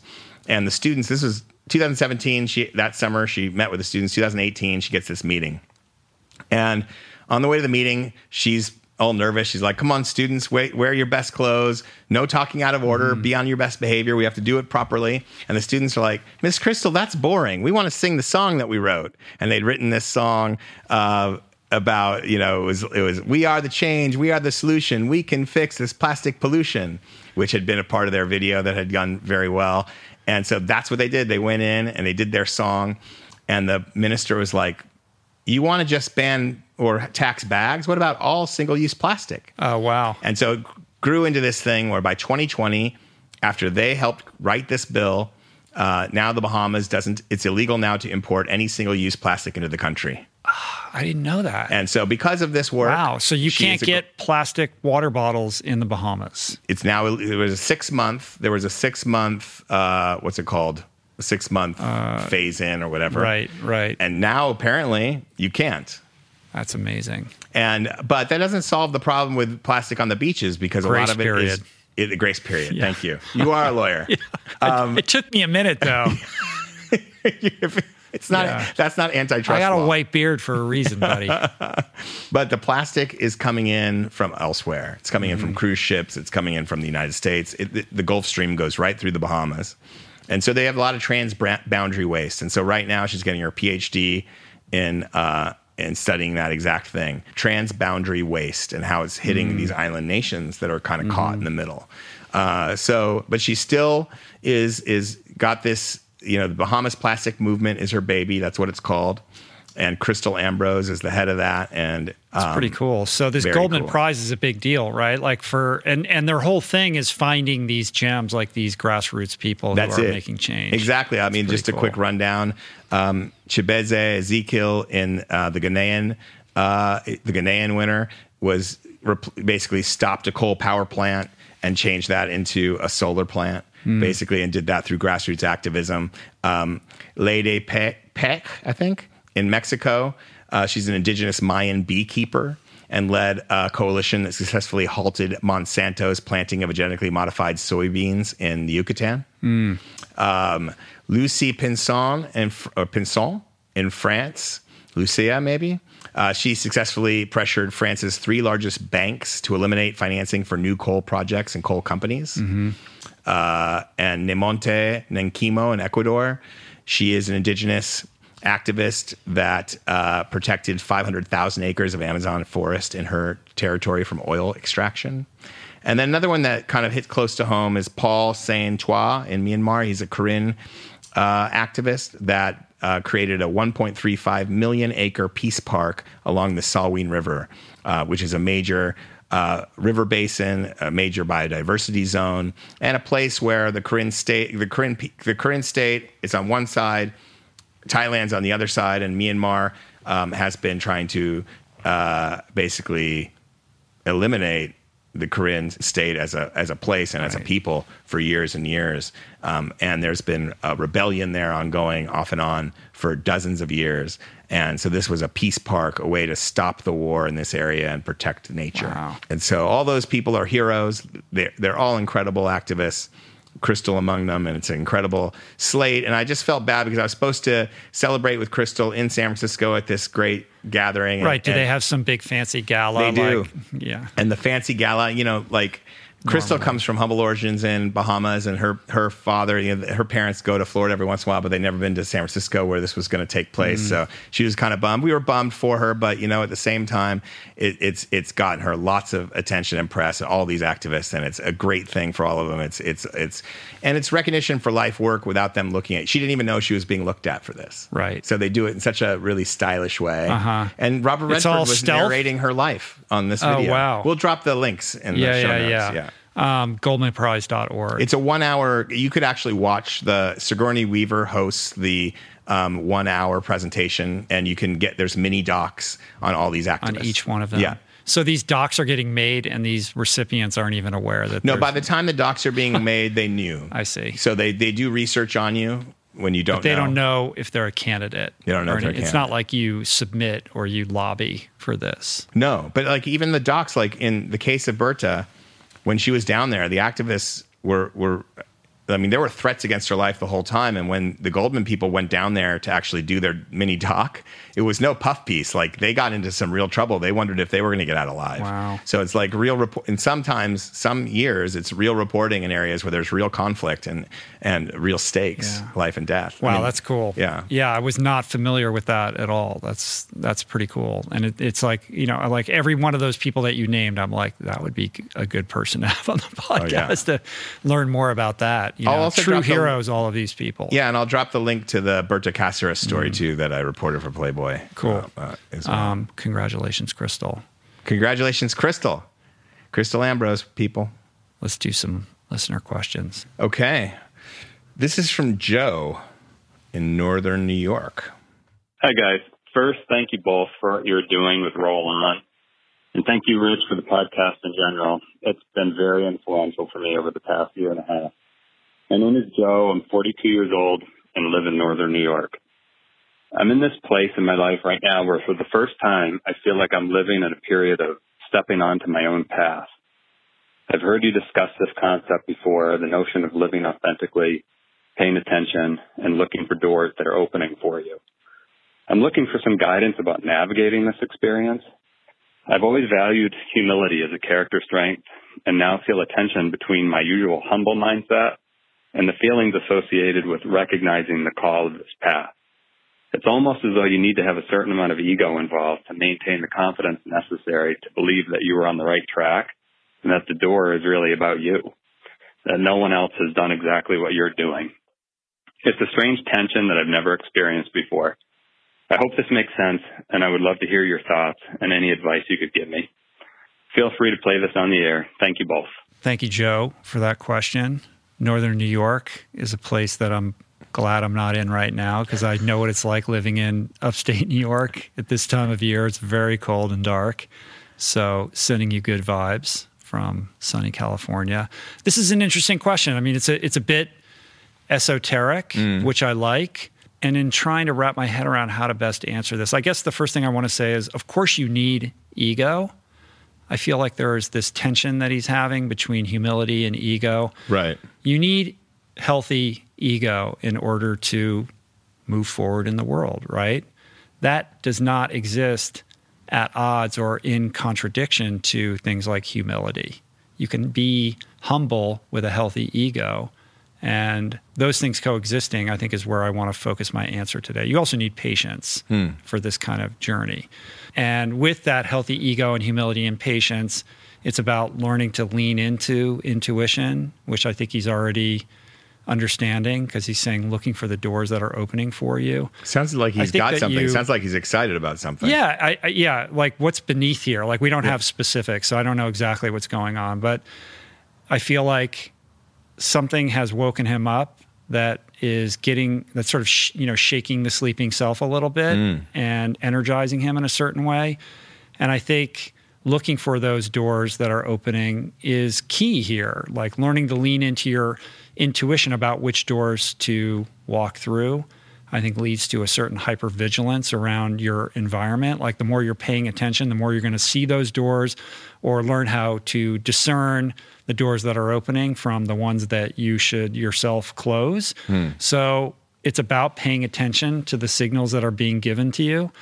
And I think so much of this is about not sweeping change or grand gestures, but really micro adjustments. Like when you're in that hypervigilant state and you're thinking about this move and you're trying to identify those doors, it's about when you're saying yes and when you're saying no. And I think saying no is equal equally important if not more important than looking for the opening door the open doors right hmm. like you're going to have to say no to stuff you're used to saying yes to and that can feel uncomfortable um, and that's a practice that I think you have to you know kind of acclimate to over time and can be practiced in these little micro scenarios where you know it's it's essentially a low risk situation.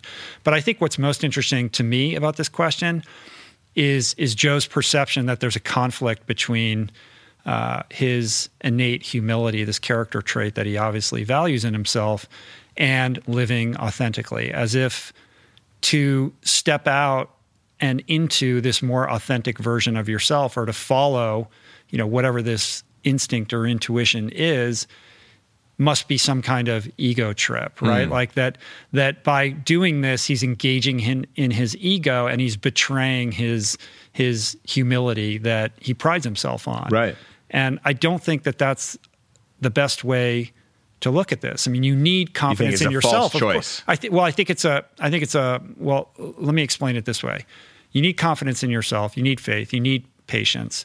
But these things are not selfish. I think there's this uh, false comparison that he's drawing between um, this drive for authenticity and it being an ego, a selfish ego trip. Because right. in fact, what it is is an act of self love. Like you're mm. honoring yourself by listening to your intuition, by following that muse, um, and creating boundaries around that isn't an ego trip and it's not selfish. It's actually protecting what serves you.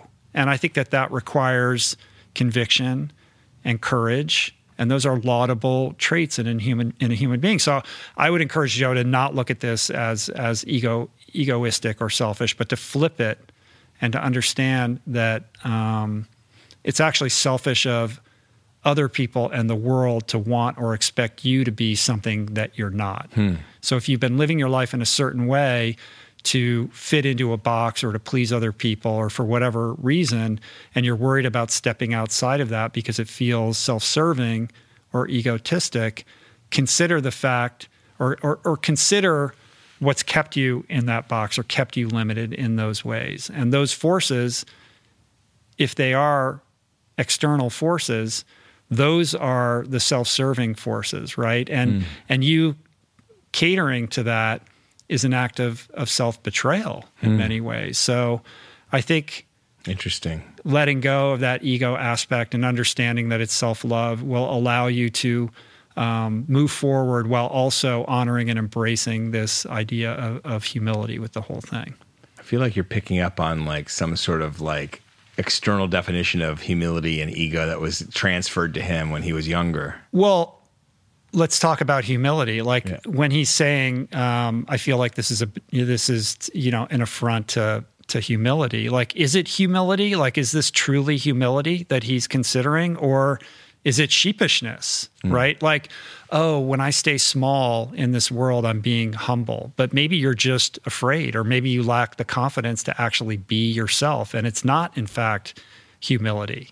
So the question that I would pose and leave for Joe is is is there a sense that you're not entitled to live your life your way? Hmm. And that to be humble is to stay in that box or to stay small. And what and so he was thinking of anything that is like self-promoting is considered ego kind of inflating, but mm-hmm. you're you're but talking put about the Rob Bell lens on right. It, right? Exactly. So elaborate finding the finding the yeah. joy. And you know what Rob Bell also said is and, that and, and finding the joy, but also the freedom to be to to be in self love and yeah. and you know sort of congratulate be your own biggest fan yeah. of your life. Yeah, and and you know what he also said is it's not egotistical, it's humbling. He, that's something he specifically said in, in that, and it's true. Like if you if you really embark on something, doing something that that that feels like is connecting to your soul and what you're meant to be doing here, you're going to find it's more humbling than it is ego promoting. but right. I don't mean that in like right. beware. Mm-hmm. What I mm-hmm. mean is that like it doesn't have to be in a negative way. It can be in in um in like you feel so at one with the cosmos some days, right? That you feel like a speck yeah. And that is humbling in a way that's like, wow, that's how big the world, that's how beautiful the world is. And I'm playing my little part. Mm-hmm. Um, and it could also be the other way, which is, you know, you might get kicked in the face a couple of times to mm-hmm. see if mm-hmm. you really want to do this. Right. Um, it is humbling innately to go on, branch out on your own path and try to do something that that you that you didn't know that you could do or that you just dared yourself to do. It is a humbling act, right? Uh, I think right? Rob Bell would say. So what what, we, what we're leaving Joe with this idea that what he thinks is ego is actually humility, and what he thinks is humility is actually ego and fear, because he's attached to this story that actually is false. Yeah, or that's certainly one way to look at it. Right. And if it gets you on the road to doing to self-actualizing, then look at it that way. Right. And Joe, if this doesn't resonate with you at all, then you get your money back. Yeah, yeah. I, am I'm, I'm refunding you because we I don't know enough about the story, but I, I have a feeling we might be onto something there. And uh, callers, just so you know, I'm trying this new thing where if you are concise with your question, it gives you a better chance uh-huh. on the That's the Skolnick algorithm. my new algorithm. If you want to game the algorithm, keep it short. Keep keep it short and to the point and also like just be really clear thinking and you know it might help. A lot of these you can tell some people are reading uh, from a script they've written themselves. Mm-hmm. and it, it's easier to answer a question that's a little bit clear. And even though that that was esoteric it still was clear. He still right. had a very specific thing he was asking. Right. He made his way through the algorithm. He made it through. All right let's so go to seth from wisconsin let's go to seth. Hey hello rich and adam. Yeah, this is seth from madison wisconsin yeah, so listening to the podcast has been transformative for me ever since I first came across an episode on a solo road trip that I took after my divorce. So your podcast became my soundtrack for that soul searching tour of national parks. And my question revolves around the distancing that can occur in relationships. And in the relationship with my ex-wife, my poor self-esteem and the avoidance of discomfort kept me from what Zach Bush said in one of your interviews, from being seen and truly seeing my ex-wife. So endurance training and a plant-based lifestyle is transforming my sense of self and avoidance tendencies. But I'm curious as to what practices that you both encourage that couples can cultivate to close the distance that can build over time and help both partners in a relationship see each other. So thank you for the opportunity to ask a question you know, take care and please keep doing what you're doing. It means a lot to people. Thank you, Seth. Thanks, Seth. Also coming to us from a very cold part of the world. Yeah. And it's a divorce question. I love divorce questions. You do? Yeah. Well, let me say this. Well, not a divorce question, relationship question, but right. Yeah. Poor self-esteem and, and avoidance of discomfort is like the perfect one-two combo that fuels isolation. Mm. Um, that keep that that keeps a lot of people stuck, gets them stuck, keeps them stuck, and also is very effective for keeping people at arm's length that Hmm. day. Right? Like if you don't feel great about yourself and you're not comfortable um, with any kind of conflict or doing anything outside your small little zone of comfort, Yep. then you're unlikely to take any risks with other people, and that's going to keep you separated from other other human beings. Um, so when I hear those two qualities, I think, what's behind that combination? And I hear somebody who um, feels like they they don't have a voice or they're not entitled to have a voice or to speak their truth. Somebody who's afraid of, of of letting anyone else know who they really are, and perhaps somebody who even feels undeserving of, of love itself. And I think the avoidance of discomfort is rooted in the sense that if somebody really knew you, if they truly understood you, if they could see right into your soul, that they would leave you, right? That that uh, you're you're uh, you're not worthy of love. Um, but I think what I would urge um, Seth to do is is to look at how these tendencies maybe uh, contributed or in some way led to to the the dissolving of the marriage. I mean, obviously, we don't know anything about what happened there, um, but those things, you know, that avoidance of discomfort, that poor self esteem. You know, those are ways that they're like coping mechanisms Yeah. to keep you safe, right? And to prevent you from being in the position of being hurt. It seems like he's But- figured that out. Like that that is what right. led but to it.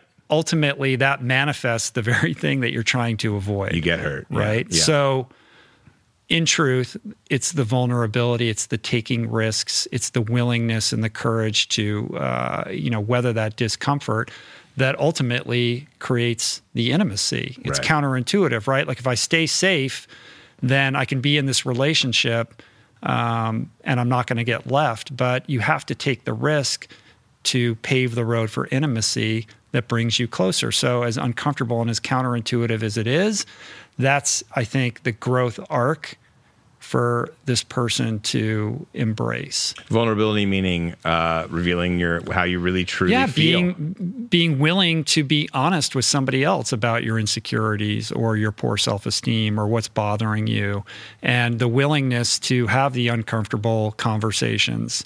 Um, you know, understanding that they may lead to a conflict, but it's only through that kind of like tension that you can come to a place of understanding and Yeah. bonding. Will you have some suggestions uh, in terms of how to cultivate that? Yeah, I mean, a couple things. I mean, I think some of them are super basic and elementary. I mean, the first thing is, you know, if you're trying to create this bond, you've got to you've got to set aside time for conversation and treat that as sacred rather than just saying, well, the next time I see this person, I'll try to do it. Like if you establish it as a formal thing that's calendared and respected by both parties, you're creating a crucible, like an environment in which um, there's expectations around that kind of thing transpiring. So, setting aside time is super important. Um, I know that you know it's scary if you're somebody who is conflict avoidant or afraid of that kind of um, discomfort. So, the best way to get over that is to start to practice it in a low stakes environment. So maybe not with your ex-wife, but find a friend who you trust and and you know use them as an experiment like say something vulnerable like take a risk and try to have a conversation that gets you that shakes you out of that um, safety zone a little bit uh, knowing that that person you know is somebody who's close to you and and nothing bad is going to happen. And i think that will help you acclimate or get a sense of of how this can work. And then over time slowly increase the intensity. Take little you know bigger and bigger risks until you're ready to kind of do this with your ex-wife i wouldn't you know do the trial run with the ex-wife because uh, my sense is that that might be too perilous at this moment Yeah. but you can do push-ups to get ready for something like that Or even like if it's for a new relationship, which it could be for, Mm-hmm. um, think of these things. You know, it's still good to get the muscle working. Yeah. You know, with a friend, so that when when the next relationship comes around, that you're ready to be Right. who you are. Right. And and what a burden you're carrying around trying to prevent that person from seeing who you really are. Oh, like yeah. the weight of that is tremendous. And when you let that go and let somebody in, there's a huge release and the intimacy that comes with that is tremendous. Mm. Um, the other thing I would suggest is in these exchanges or in this dynamic to always this is something I do all the time and I do it on the podcast is to lead with vulnerability. Like if you instead of waiting for that person to give you the feedback or to say the intimate thing, like you've got to go first. And I think when you do that, you're giving the other person permission for that level of intimacy. You're saying, This is safe.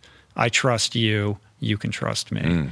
And then with that, it's practicing how to listen, like really listen, because the most valuable thing that you can give another person is your time. And of course, your full attention. And the more that the other person really feels like they're being heard, then the closer they're going to feel to you and the more they're going to gravitate towards you. Mm. Staying out of the other person's reaction to your attempts at intimacy, I think, is important. Um, if you're wed to a certain result, like I'm going to have this conversation and then this is going to happen, then you're setting yourself up for for disappointment. So it's right. not about the result; it's just about engaging in the process of, of being open, vulnerable, and intimate, and trusting that over time that's going to you know breed the intimacy that you seek. But trust takes time, so patience I think is super important. And then the esteem piece I think is super important. And I, and I you know forgive me if you heard me say this because I repeat it all the time, but self esteem comes through performing esteemable acts, whether it's on uh, behalf of others or for yourself. It applies to yourself as well. So simple things like setting healthy boundaries and you know making time for those that you care about investing in helping other people all will slowly open you up and um, ground you a little bit mm. better and make you a healthier person um, for your current and future relationships and then the final thing i would say um, sorry do you want to say something no i'm just um, agreeing with you yeah, yeah. The, the final thing and this is important too is to forgive yourself to like let it go because there is this narrative about I'm somebody with self-esteem and I don't like, you know, to be right. uncomfortable and I'm afraid of this and I'm afraid of that. You've got to rewire that neurology and start telling yourself a new story. Like in other words, letting go of that story and opening up to perhaps a new and better story. And again, those push-ups, those little actions that you're taking will help inform that, but that story is likely hardwired into you and pretty calcified. So it's going to take some work and practice and intentionality to um, to create that new narrative. But um, that's the work, man. And I think. yeah, and the only thing I'd add is that you know distancing that can occur in relationships. I mean, I think there is a certain as relationships mature, there's going to be a certain areas of freedom where people can mm. operate, and you don't all you you know uh, relationships can evolve, and distance it depends on what you mean by distance, but you can operate in different spheres and function differently. And as long as you have that, like you said, you have the the space to communicate. Mm-hmm. You're listening. You're being vulnerable. You are um, not reacting and not expecting certain responses or certain things coming your way. And you feel good about how, what you're giving to the world. In the end, that distance won't even feel like distance. It'll just feel like right. your life is working. Yeah. And there's something about just owning your truth and being who you are. Yeah. And the more that you do that, the more you can kind of stand on your own two feet. And it becomes less about what that person thinks of that and just about you and your relationship with yourself. Yeah. And if you do all that and everything your wife says, everything will be fine. no, just Is that a guarantee? That's just a wife yeah. joke. It's a wife joke. All right. Let's go to Michael. Sorry. Hey. Um, all right, here's Michael. We have another cold, cold, wintry place right now. Sorry, Boulder Next time it'll though. all be the islands. Yeah. Hey, Rich and Adam. This is Michael from Boulder, Colorado, and certainly fine to play this on the air. Um, I can't tell you both how much I really enjoy the new roll on addition to the podcast. I, I look forward to listening to it every other week, and it's thankfully becoming part of a routine for me. Uh, anyway, I'm 55 years old and I've been active really since high school as a runner and triathlete, but really primarily as a cyclist over the last 30 years. My question is around heart health and endurance activity for an athlete now heading into my late 50s. I recently signed up for a couple of lengthy gravel bike races, but in the back of my mind, I have concerns with this type of activity and heart health. Uh, living in Boulder, Colorado, I've known and certainly heard of a number of athletes that have died or had heart issues with either training or racing. You know, while I know there are a number of factors at play, genetics, lifestyle, I'm primarily plant-based. I'd be curious to hear of any advice or changes that you both have discussed or considered with your training. Well, I've certainly put a greater premium on recovery these days. Training for a day where I'll be in the saddle for seven to 10 hours will still require considerable effort. Anyway, much gratitude to you both for the engaging and intriguing format, and I appreciate any thoughts you can share. Thanks. Mm-hmm. Um, great question, Michael. Uh, let me preface my response by making it very clear that I am not a doctor. Uh, I'm certainly not a cardiologist, but I would encourage you to see a cardiologist and develop a relationship with a cardiologist. Hmm. I think it's always a good idea to um, have your heart regularly tested, get a calcium scan, get your blood work done. It's all very easy. Do you do that uh, regularly? Affordable. Yeah, I had a calcium scan done like a year and a half ago. I should probably get another one. Like starting at 50, work. you recommend that? Um, I think even I think even sooner. You mm-hmm. know, all all the cardiologists that I've had on the podcast, you know, say the same thing, which is that you know the plaques in your in, in your arteries begin in your teenage years. It's not like okay. you wake up at fifty and suddenly you have a problem. Like this is a progressive thing over many many years that's informed by genetics, diet, lifestyle, all of these things. It's complicated, but being ahead of it, I think, is important. Davey, um, call a cardiologist. So yeah, get me today. Get me um, stat. So at least you have a, a, baseline to know what you're dealing with, right? Um, if there are cases where people get a calcium scan and are alarmed to get some crazy score because they're completely asymptomatic, and then they realize like they have to deal with stuff. So um, that's a good idea. Of course, there are cases of endurance athletes that end up with heart issues, and you, you hear this a lot. I, yeah. I, don't know what the statistics are on this, and I don't know how many of the how much of this is outlier versus um, versus you know majority or anything like that. But I think it's important to not live your life in fear and not use those those incidents as an excuse to opt out of life uh, or to make excuses for yourself. I think it's important to be prudent and responsible and appreciate the fact that as you age, you're not going to be able to do things like you could do them in your 20s, and that we need to gauge our efforts a little bit more consciously than we needed to when we were in the past. And you know, the question is really specific to things that that I do or that we do. Um, you know, my life is very different now than it was when I was training for Ultraman.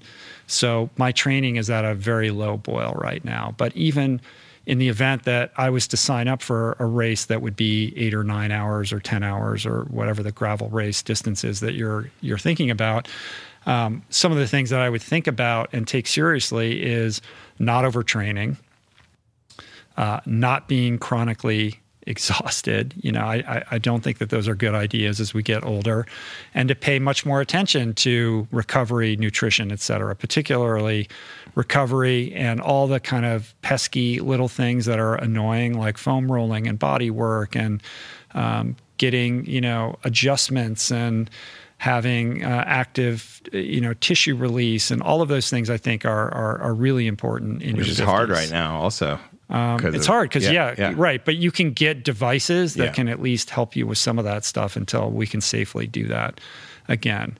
Um, also, it's important to train responsibly. You know, this is not something you know. If you're going to be out for nine or ten hours, you don't want your training to be you just winging it and you know, like oh, I'm just going to go out and ride my bike and ride hard when I feel like it. Like I would encourage you to get some professional consultation, whether it's a coach or a training plan of some form, and paying attention to how your body is responding to that on a day to day and a week to week basis so that you're not overdoing it. Um, you know, I feel like at 54, I love just going out in that like zone two mode and enjoying myself. Mm. And that way I don't get run down. I'm not overtraining. I'm giving myself a workout, but I'm definitely more gentle with myself than I would have been 10 years ago, even and do it for the joy of it, I mm. think is important. You know, to the point of you know, endurance athletes having heart problems. For every person like that, there's a guy like Don Wildman, who I was talking to Laird Hamilton about, who was just killing it, you know, up into his up through his 80s mm. on the mm. mountain bike, just destroying, you know, every young buck in Malibu, Amazing. you know, with with his, you know, Jack LaLanne esque, you know, lifestyle. So, you know, there's guys like that too who who you know went all the way to the end and lived a very long and fulfilling life, yeah. basically doing what he loved to do. Yeah. So I guess those are my thoughts on that. Even Dan Buettner's guy, the mm. um, in Loma Linda, who was swimming into his 90s, that doctor, the plant based guy. Oh, right. Yeah, yeah, yeah. yeah. Oh, right. Yeah. Uh, I forget his name. Um, Dan had him on the right Today Show at some point. Or the something. tip of my tongue. I know exactly yeah. what you're talking about. Yeah. Yeah. Um, Amazing guy. But, but that guy wasn't doing, he wasn't racing. No, so but he was is, still active. And, and, you know, uh, you know, Michael lives in Boulder, and yeah. you know everybody in Boulder looks like they're ready to win Ironman oh, at yeah. all times. So it's a it's a very you know hyper active, yes, you know, and competitive environment. And yes, and middle aged guys especially. There's right. so many of them. Yeah. Um, you know, to be honest, I'm Michael. I'm right now. I've got an ankle thing, a, a back thing, and my back Oy. locked up on me. I got a neck thing. I've had, you know, my biggest problem. You have a baby. I, I have a baby. I, am like, uh, I haven't been. That's the main thing is I haven't been doing my recovery. I haven't been doing the yoga. Obviously, mm-hmm. massage is out, and so the, the recovery stuff backs up on you, and the next thing you know, your body starts to rebel. So, um, but I've never done the cardiologist never had a cal- calcium scan, so this is all news to me. So I don't have anything really, but that's why we have the guru of ultra here oh, yeah. to tell you how to do it. I, I would, um, I, I, think that makes sense to think about these things. You know, as as I'm getting older, I'm in my late 40s now as I'm getting older, I think about it too. You know, you know, I think it makes sense yeah. to think about heart health. I think you're doing the right thing by even bringing up the question. I think it's something right. probably a lot of people in their 50s think about. And we've all heard, you know, when, when, we were kids, it was Jim Fixx or whatever. I forget who it was, the runner that right. Like, it was it was was Jim. It was Jim Fit, the guy yeah, who wrote Fit. that book. Jim yeah, the, yeah, yeah, yeah, who died who died quite young. Yeah. So there's always those crazy horror stories, and of course, mm-hmm. people you might know. Um, but and and uh, in Hollywood, the stories were always like the 50 year old producer who had had blow in his system died on the basketball court. very different. very different than Boulder. Right. um, on a very tactical level, a couple things that you could do. Since you're living in Boulder, you probably have a heart rate monitor strap already. Like this is this imagine. is not going to be news to you're you. You're born with it, right? Um, but if you don't, that yeah. would be one thing that I would do. Get a heart rate monitor, track your heart rate when you're training, understand what your zones are so you know specifically which energy systems you're training, which will help you be more efficient to pinpoint, you know, how to work the systems properly without overdoing it. And you might want to look into to getting like a whoop, you know, because a whoop basically is very good at tracking your recovery, how you're bouncing back.